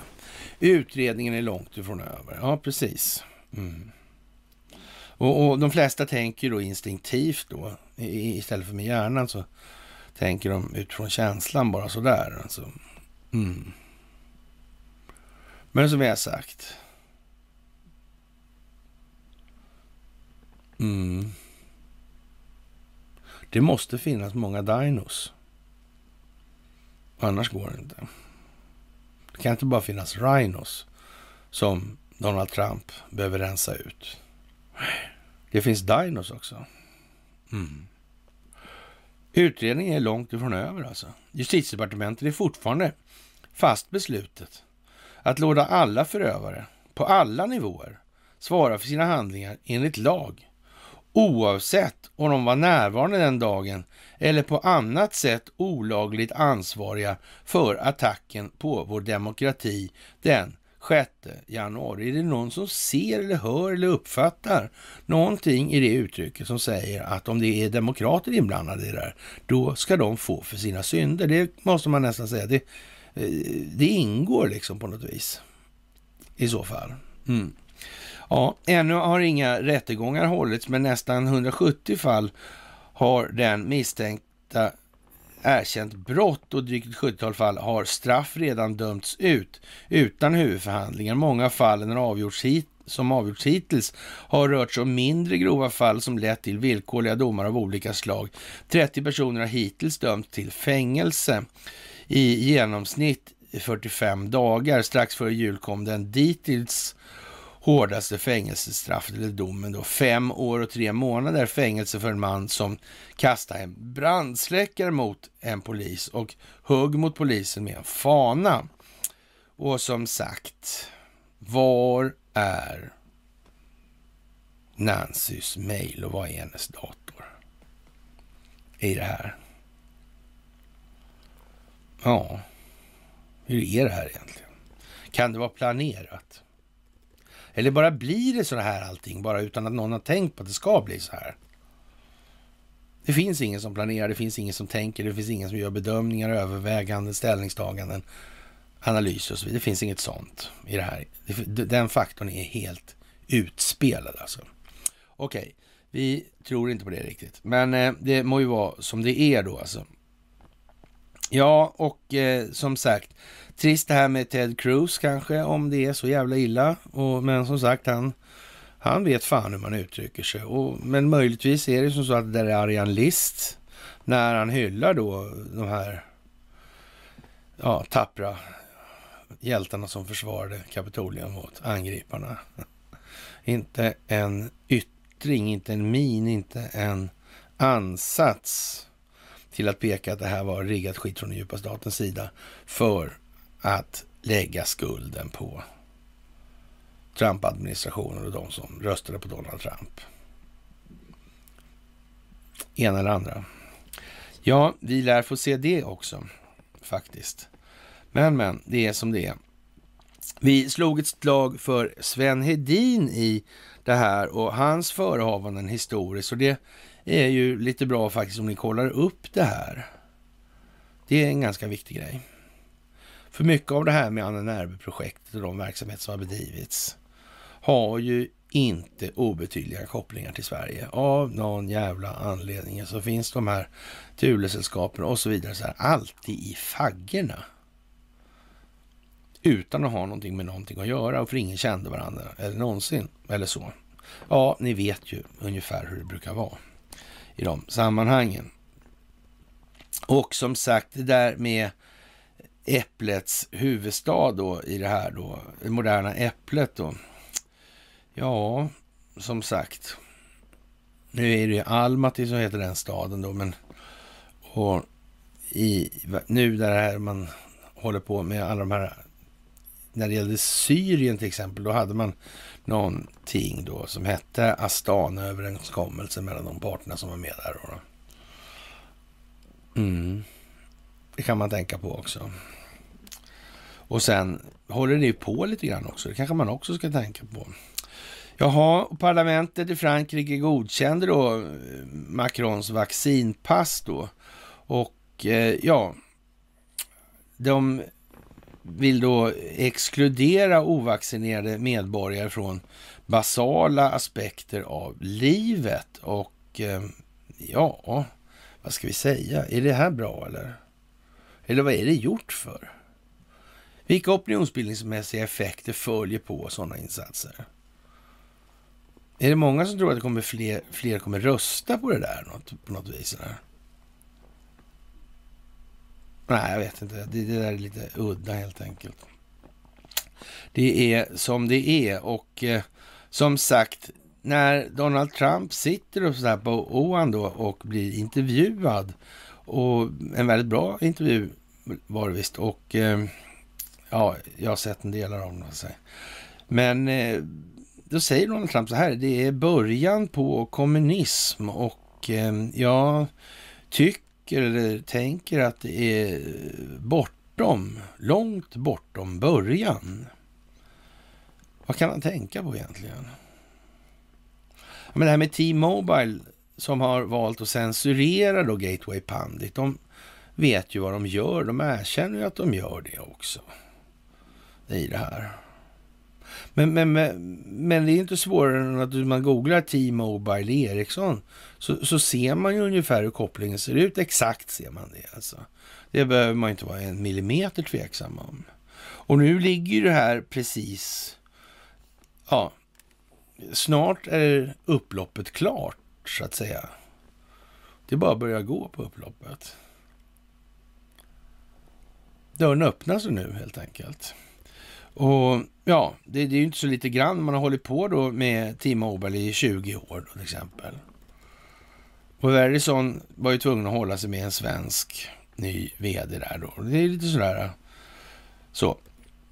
Faktiskt. Och eh, jag vet inte. Det kan det vara så att Donald Trump har räknat ut alltså vad som börjar någonstans var det här med kommunismen till exempel.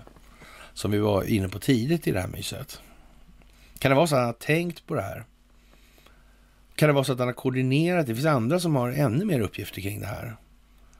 Känner Vladimir Putin och Xi Jinping, känner de till någonting om kommunism? Har de problem med den djupa staten? Kan det vara så? Att de har någon form av gemensamt intresse i de här sammanhangen? Kan det vara så att de, eller kan det vara på så vis att de inte har upptäckt att det och därför inte har brytt sig?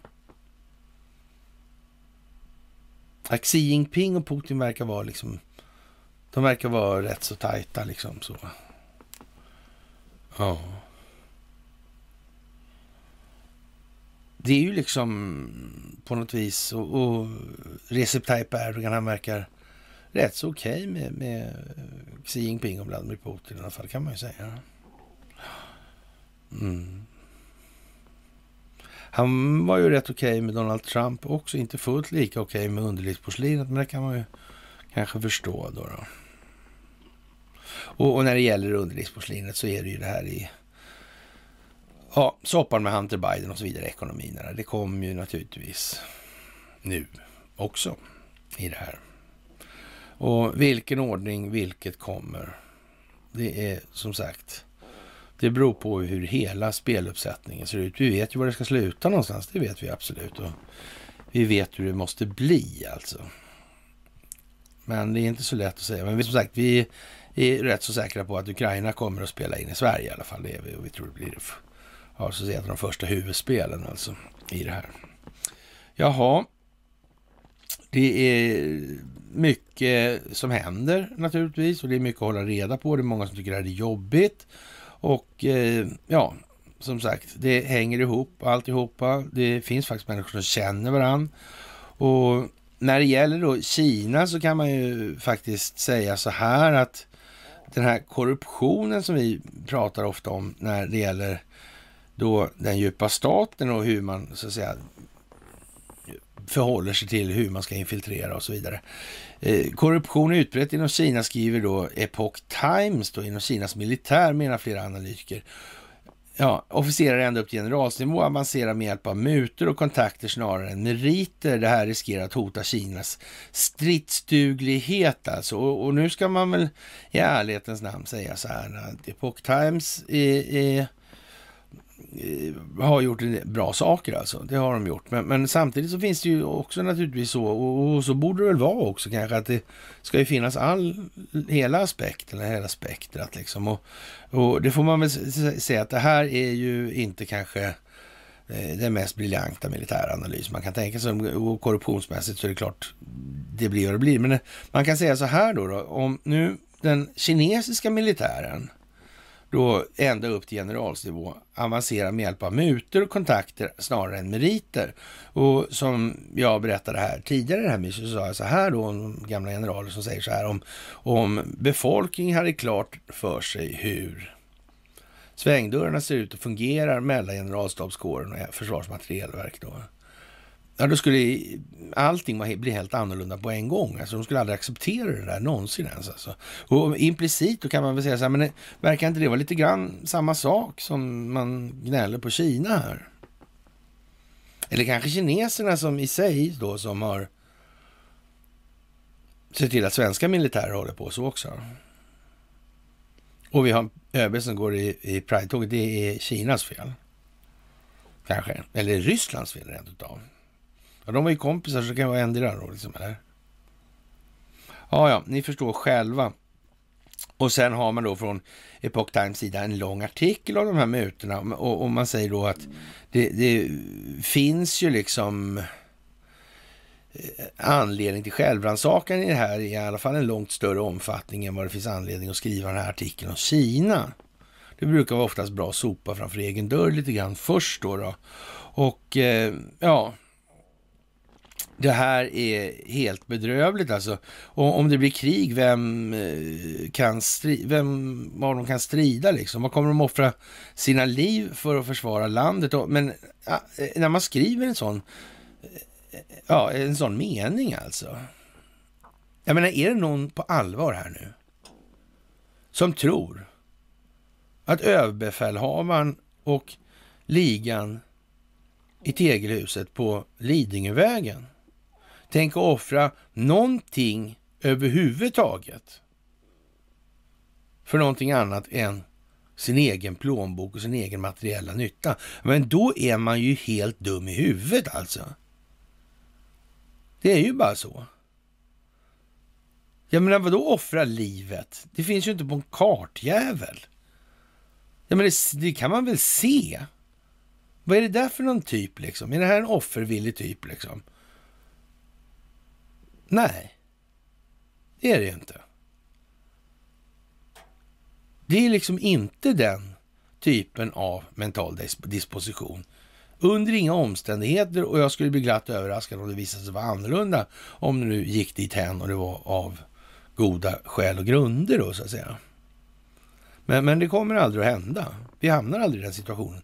För, för det man hävdar då från den sidan, eh, det är någonting som inte finns helt enkelt. Och, och därför så kommer det inte att aktualiseras överhuvudtaget. Det går bara inte.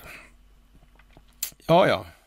Det är ju lite udda kan man kanske tycka faktiskt i det här läget. Men ja, det här med bitcoin är ju en speciell och det är alltså världens näst största gruvnav när det gäller miningen eller ja, så att säga, brytningen av de här den här digitala historien då. Och det är ju lite sådär eljest kan man ju tycka kanske. Ja. Men det har inte med någonting att göra det här. Nej. Och eh, ja, centralbankerna är ju vad de är och de bestämmer ingenting. Och det är ju en sån grej som Ja, man säger, man säger på, i amerikanska medier, så the private owned central banks. Ja, Federal Reserve New York är privatägt, så det är en sån ventil, en tryckventil. Och, men alltså, man får säga så här, man kan inte ha enskilda nyttomaximeringsintressen som sitter på strategiska samhällsfunktioner, strategisk infrastrukturkontroll. Det går ju inte. Men det, går, det verkar vara helt omöjligt att säga i amerikanska medier till amerikanska befolkningen. Än så länge alltså. Men de lär ju få komma dit. Och, och det kommer ju en dag då, för som jag glömde säga när jag tog upp det förut, så, så är det ju så här Mike Pompeo sa så här att eh, ja, Ericsson är ett strategiskt intresse för. Varför är det det då? Kunde man ju fråga sig. Varför sa Pompeo att Ericsson var ett strategiskt intresse för? Varför spelar han upp allt det här med hur dåligt det kunde bli om man lät Huawei ta hand om det där?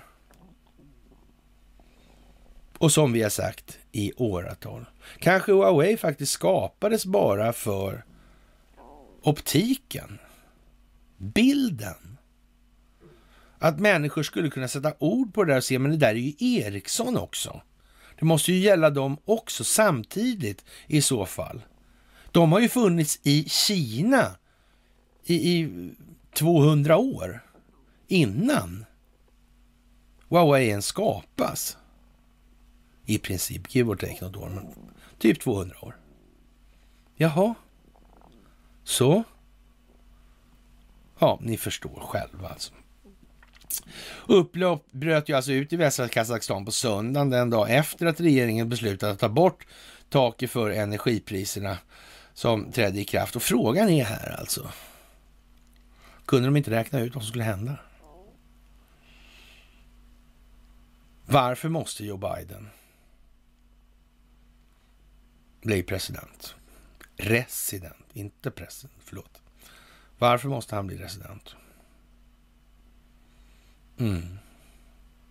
För att exponera den djupa staten. Okej. Okay. Men om nu Ericsson har funnits i Kazakstan, Uzbekistan, Vitryssland, Ukraina och så vidare och så vidare och så vidare. De har inte påverkat någonting som vi sa förra gången. Inte ett dugg alltså.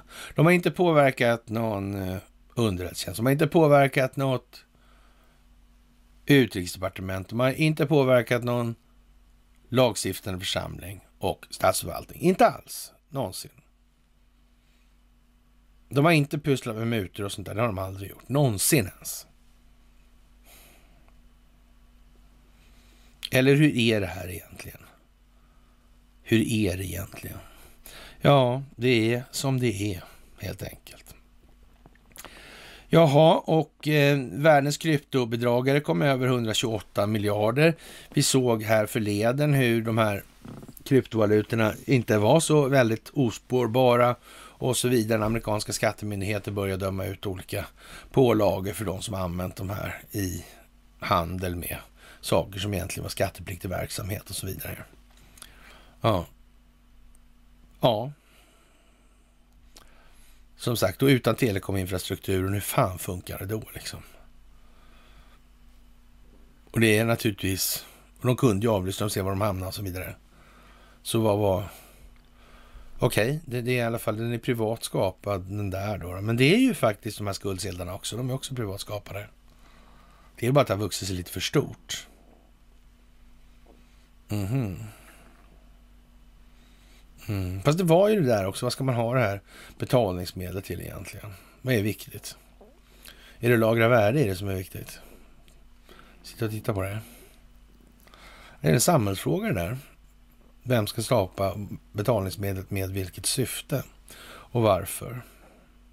Att det här med 8000 års skuldsättning för man inte betalar barnbidraget i Israel, det var ganska dumt, tyckte rätt många. Det var optik. En del klarar av att sätta ord på sina tankar efter det. Några till faktiskt. Några fler. Okej. Okay. Ja. ja, man ska göra rätt för sig. Man betalar sina skulder till banken. Ja. Jaha, hur länge då? då?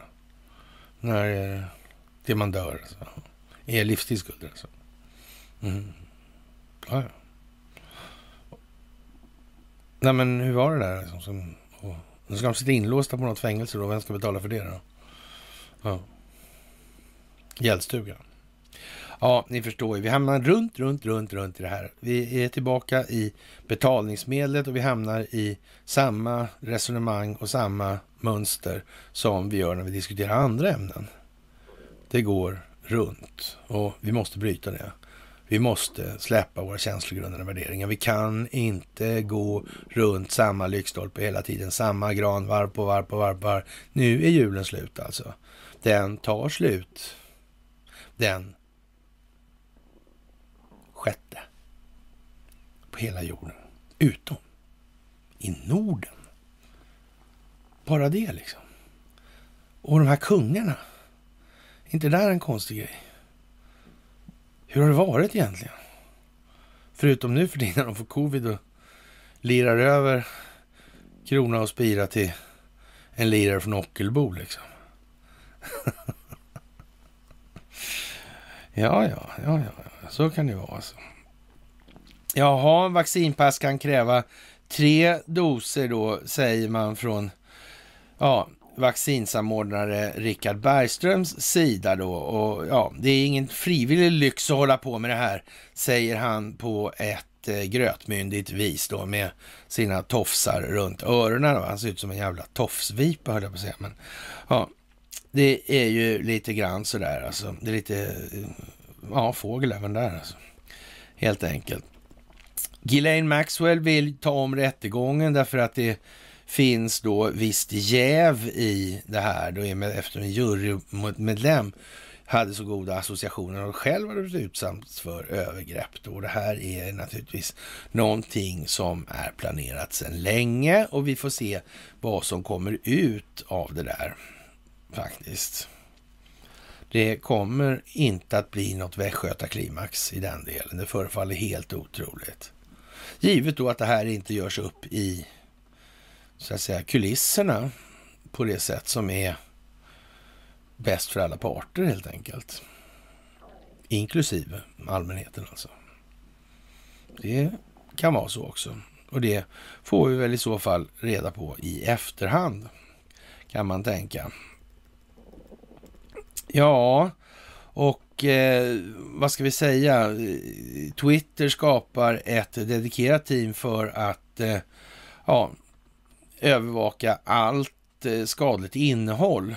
Och, ja, och det är faktiskt eh, bra gjort att ge dem en repstump att hänga sig i så här. Och, ja, men å andra sidan är det som vi har sagt, man måste kontrollera techjättarna. Det har man vetat hela tiden. Några av dem kommer inte behöva finnas kvar. Några av dem kommer försvinna. Så är det också. Ja, och eh, vad ska vi säga? Ja, 92 procent av Skistars gäster känner, säger att de känner sig trygga och säkra. Och eh, ja, det är bättre på Skistars destinationer än hemma och folkskydds... Ja, FHM då Smittskyddsläkarna och vården säger att Skistar skapar trygga och säkra miljöer. Varför fortsätta, fortsätter medium med denna hetsjakt och rubriker då? Och det är Skistars vd som uttrycker sig i det här. Och ja, vad ska man säga? Det är ju lite som det är naturligtvis. Att ställa sig upp i det här läget får man ju säga, det kräver ju ändå en rätt begränsad omfattning på mod alltså. Men att inte ha gjort det hittills säger en hel del om graden av prägling när det gäller egennyttan, eh, styrning på tillvaron. Alltså det, så. så det är inte särskilt imponerande, men även om det är bättre att det är så än inte faktiskt. Jaha, och eh, vad ska vi säga, Hallengren, han, eller ja, förlåt, eh, hon, hen kanske, ja, kan bli aktuellt för Folkhälsomyndigheten att e-, ändra antalet doser. Och det kan man väl tycka eh, ligger väl i linje med allt det här andra och mycket av det här går ju som sagt igen. Och det blir miljardböter för Google och Facebook i Frankrike i de här tiderna. Och återigen, man gick inte in i det här från den sida som bekämpar den djupa staten omedveten om vilka faktorer som spelar roll i vilket sammanhang. Man kände till exempel till det moderna krigets beståndsdelar helt jävla assäker alltså. Det är bara så. Det visste man. Och att man inte känner det till dem på så många andra håll idag. Det är mer än bara lite eljest, skulle jag vilja påstå. Det är direkt olyckligt, faktiskt. Då är det snällt igen. Som vanligt, som alltid. Ja, och eh, när det kommer då olika förklaringsmodeller och eh, ja, lite speciella och kärringen heter Kvant alltså, som förklarar, då kan man ju säga att det är lite eljest också. Och ja, höjda oljepriser till en följd av förhöjd ekonomisk aktivitet är en viktig orsak till att dieselpriserna ligger över 19 kronor liter, men också kravet om ökad inblandning av biodrivmedel i diesel och bensin bidrar till prisuppgången, menar man för branschorganisationen Drivkraft Sverige. Jaha. Man kan väl säga så här, det verkar som att någon har räknat ut vad som ska sägas. Sen säger man, kan man så här, går man vidare och säger så här. Vi har ett råoljepris som stigit med 60 procent i år och då kan man väl Eh, säga så här, det börjar ju någonstans. Var det det högsta som var någonsin det här? Men, äh, om oljepriset som högst, vad har varit då, då? 150 dollar fatet kanske? Ja. Vad kostar det drivmedlet då? då? Ja. Och var gick det här priset ifrån? Om det gick från 50, 60, ja, något sånt där. Ja, det är konstigt det här alltså. Men en sak är, det kan aldrig gå ner på lång sikt det där oljepriset. Det verkar konstigt det där. Verkar väldigt konstigt. Ja, precis alltså. Det är jättekonstigt. Det här är alltså, ja, vi har också högre efterfrågan på bensin och diesel som i sin tur är orsakad av lättade restriktioner som leder till ökad ekonomisk aktivitet. Men, och det är samma tema där, man repeterar alltså de här grejerna nu. Okej, okay. först går alltså den ekonomiska aktiviteten ner så här mycket. Så mycket. Då är vi här nere då. Mm. Och sen har vi en ökad ekonomisk aktivitet, men den är inte dit upp, utan den är kanske dit upp. Men den åstadkommer en prisbildningseffekt, alltså. Som överstiger vad den tidigare hö mycket högre ekonomiska aktiviteten genererade. Är det här liksom, vad ska man säga, är inte det här lite pedagogiskt utformat kanske för att folk ska förstå att de blir körda med nu? De åker med oss. Jag tror det. Alltså. Jag tror att det här är någon form av utbildningsinsats alltså. Ja, och där i de här, i det här fina då, vad ska vi säga, branschorganet Drivkraft Sverige finns då naturligtvis då, ja, stridshingsten alltså. Mm. Ja, brunögat även då, då kallad. Ja. Och eh, även kravet på ökad inblandning av biodrivmedel i diesel och bensin, den så kallade reduktionsplikten påverkar priset. Mer om det i det här videoklippet som visas i det här sammanhanget. Då. Det där är ju naturligtvis mycket, mycket speciellt. De här resonemangen måste alltså människor lära sig att slå igenom eller se igenom. Faktiskt. Och det, det kan jag ju hålla med om. Det kan ju ibland kännas lite dystert helt enkelt. Och eh, ja, USAs demokrati är fortfarande i stor fara, säger då Wolfgang Hansson då och är väl ungefär som Lena Melin och därmed börjar vi väl faktiskt nästan kunna säga att vi kommer runt det här då. då. Och det är samma jävla, eh, ja, fina journalistprosa som kanske möjligen har en något mindre bäring på verkligheten än vad man skulle kunna förvänta sig. Sådär. Och miljövänlig diesel, miljövänlig diesel chockhöjdes över en natt och den kostar 24 spänn då i Kiruna. Och vad ska vi säga? Det är väl bra, kanske. Och vad ska vi göra? Människor måste ju faktiskt reagera. Det går inte på något annat sätt. Det går bara på så vis. Ja. Och eh, Frankrike går mot skärpta vaccinkrav och eh, ja, han vill Makaroner vill ju jävlas med de som inte är vaccinerade. Och han måste rimligtvis förstå vilka opinionsbildningsmässiga effekter den typen av uttalande för med sig för eget vidkommande och den franska statsförvaltningen och administrationen. Så, det borde väl vara något, tycker jag. Jaha, och eh, vad ska vi säga? Det här är väl lite halvsekt möjligen och, och ja, nå, någonstans det här med Kazakstan, de har liksom, vem ska man skylla på här då? Och då börjar man ju köra den här vanliga då och, och säger att de här diktatorerna gör det. Men nu frågan är, vad, vad, vad är det ska bli av det där egentligen? Är det så att då, man har gjort den här jättestora satsningen, alltså sidenvägssatsningen.